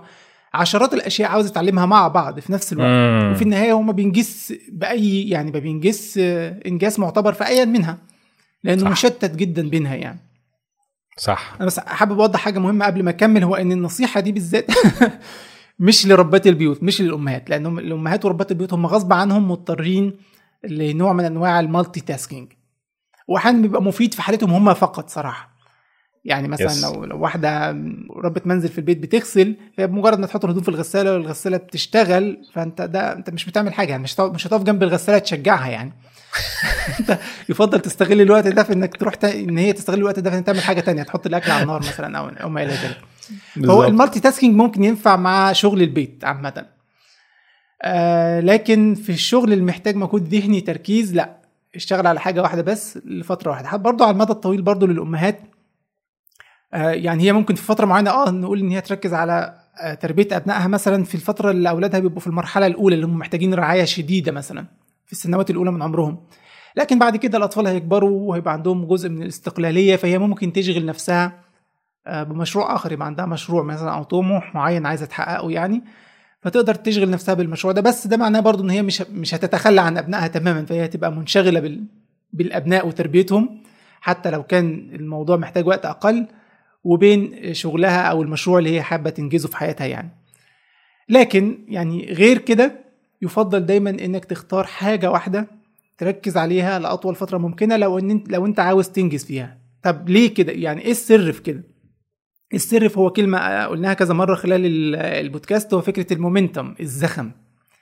عاوزك تتخيل ال- ال- المثال ده يعني يوضح لك إيه مفهوم المومنتم أو الزخم. لو أنت بتشوف إحنا بنزق عربية مع- معينة يعني مثلا لو سيارة لو سيارة عطلانة على الطريق وإحنا بنيجي بنزقها أول ما بنبتدي نزقها بيبقى في معاناة يعني بيبقى العربية بتتحرك ببطء شديد. لكن مجرد ما نبتدي نتحرك نزق نبتدي نجري بيها بعد كده. هي بتبقى خلاص كده خدت الزخم بتاع الزق يعني كده خدت مومنتم وبتتحرك. فلو انت عندك عشر عربيات يعني مثلا وعاوز تزقهم لنقطة معينة مش منطقي إنك تزق واحدة مترين وبعد كده تسيبها بعد كده تزق واحدة تانية مترين وبعد كده تسيبها. طب انت كده بتتعب يعني تعب البدايات هيفضل موجود دايما معاك. كده بتخسر الزخم. لا بالظبط. المنطقي إنك بالظبط. تركز على عربية واحدة بس تفضل تزق فيها وتاخد الزخم بتاعها وتوصلها بسرعة لنقطة النهاية بعد كده تركز على العربية اللي بعدها. فدي فكرة the one thing إن أنت تركز على حاجة واحدة لفترة طويلة عشان يعني إيه تحصل على فوائد الزخم أو ال momentum بحيث تنجز فيها وتوصل فيها لنقطة أبعد مما كنت هتوصل لو كنت ركزت على أكتر من حاجة في نفس الوقت. ممتاز. آه، إيه رأيك أنت يا أستاذ؟ أنا يعني كنت قرأت قبل كده كتاب The Myth of Multitasking كتاب صغير خالص ظريف يعني بأسلوب مختلف. وكان بيتكلم عن عن أصل ال multitasking إن مفيش حاجة أصلا اسمها مالتي تاسكينج. يعني فكرة إن أنت ت multitask. ما ينفعش إن أنت تعمل حاجتين في نفس الوقت. نو no واي أنت بتعمل pause لحاجة وبعدين تبدأ تشتغل في حاجة تانية. خلصتها ترجع تعمل pause لحاجة وبعدين ترجع تشتغل في حاجة تانية. وكان بيتكلم عن فكرة إن إن في تمن أنت بتدفعه في الشيفت. يعني مش فكرة إن أنت آه الموضوع سموث وسلس لا خالص. في تمن من الوقت ومن التركيز ومن المجهود المبذول زي بالضبط المثال بتاعك علي اللي هو إيه فكرة إن أنت لو زقيت العربية 2 متر وبعدين رحت للثانيه تزقها 2 متر فأنت هتبذل مجهود كبير في إنك تحركها من السكون. وبعدين ترجع للأولانية تبذل نفس المجهود تاني عشان تحركها من السكون. في المقابل لما بتزق حاجة لمدة طويلة بتكتسب الزخم وال momentum ده فبالتالي بتوفر وقت ومجهود كبير جدا جدا جدا. آه، أنا حقيقي في الوقت الحالي بقرأ كتاب The One Thing بصراحة مستمتع جدا كتاب أسلوبه سلس وبسيط و I can relate يعني أقدر أقدر أربط حاجات كتيرة بالكلام اللي بيتقال آه، ولو هنختصر الموضوع فهو اشتغل بشكل sequential مش parallel اشتغل بأسلوب تتابعي مش بشكل متوازي. ما تبدأش في حاجتين مع بعض. لما تبدأ في حاجة انغمس فيها واستمر فيها لحد ما تخلصها أو لحد ما توصل للإيه؟ لنهاية القدر اللي أنت محدده. وبعدين لو عايز تنتقل لحاجة تانية روح. وتجنب الهواتف اللي بتجيلك اللي هو إيه ده؟ أنت بتتعلم برمجة؟ ده أنت مقصر في العلم الشرعي يا راجل. تعلم العلم اللي ينفعك في الآخرة. ماشي. خلص اللي في إيدك وبعدين روح اتعلم ال- ال- ال- العلم الشرعي. طيب لو أنت بتتعلم علم شرعي وانغمست فيه يقول لك على فكرة أنت مقصر في كورس البرمجة بتاعك وبرضه يا أخي ده اللي تستقيم بيه دنياك يعني. فلازم تتعلم البرمجة علشان يعني مصدر رزقك وتعول أسرتك وبتاع. ماشي. بس خلص اللي في إيدك الأول وارجع. حاول قدر الامكان تركز مجهوداتك الذهنية بدل ما هي مشتتة في كل اتجاه زي اللمبة بتاع السقف كده اللي بتنور الأوضة لأسلوب ليزري شوية إنك بتفوكس كل الحاجات دي على حاجة صغيرة زي بالظبط العدسة المجمعة للأشعة. أنت لو عارف ال- ال- التجربة بتاع إعدادي اللي هو لما تجيب عدسة مجمعة وتحطها فوق ورقة فالتركيز بتاع أشعة الشمس بيولع الورقة.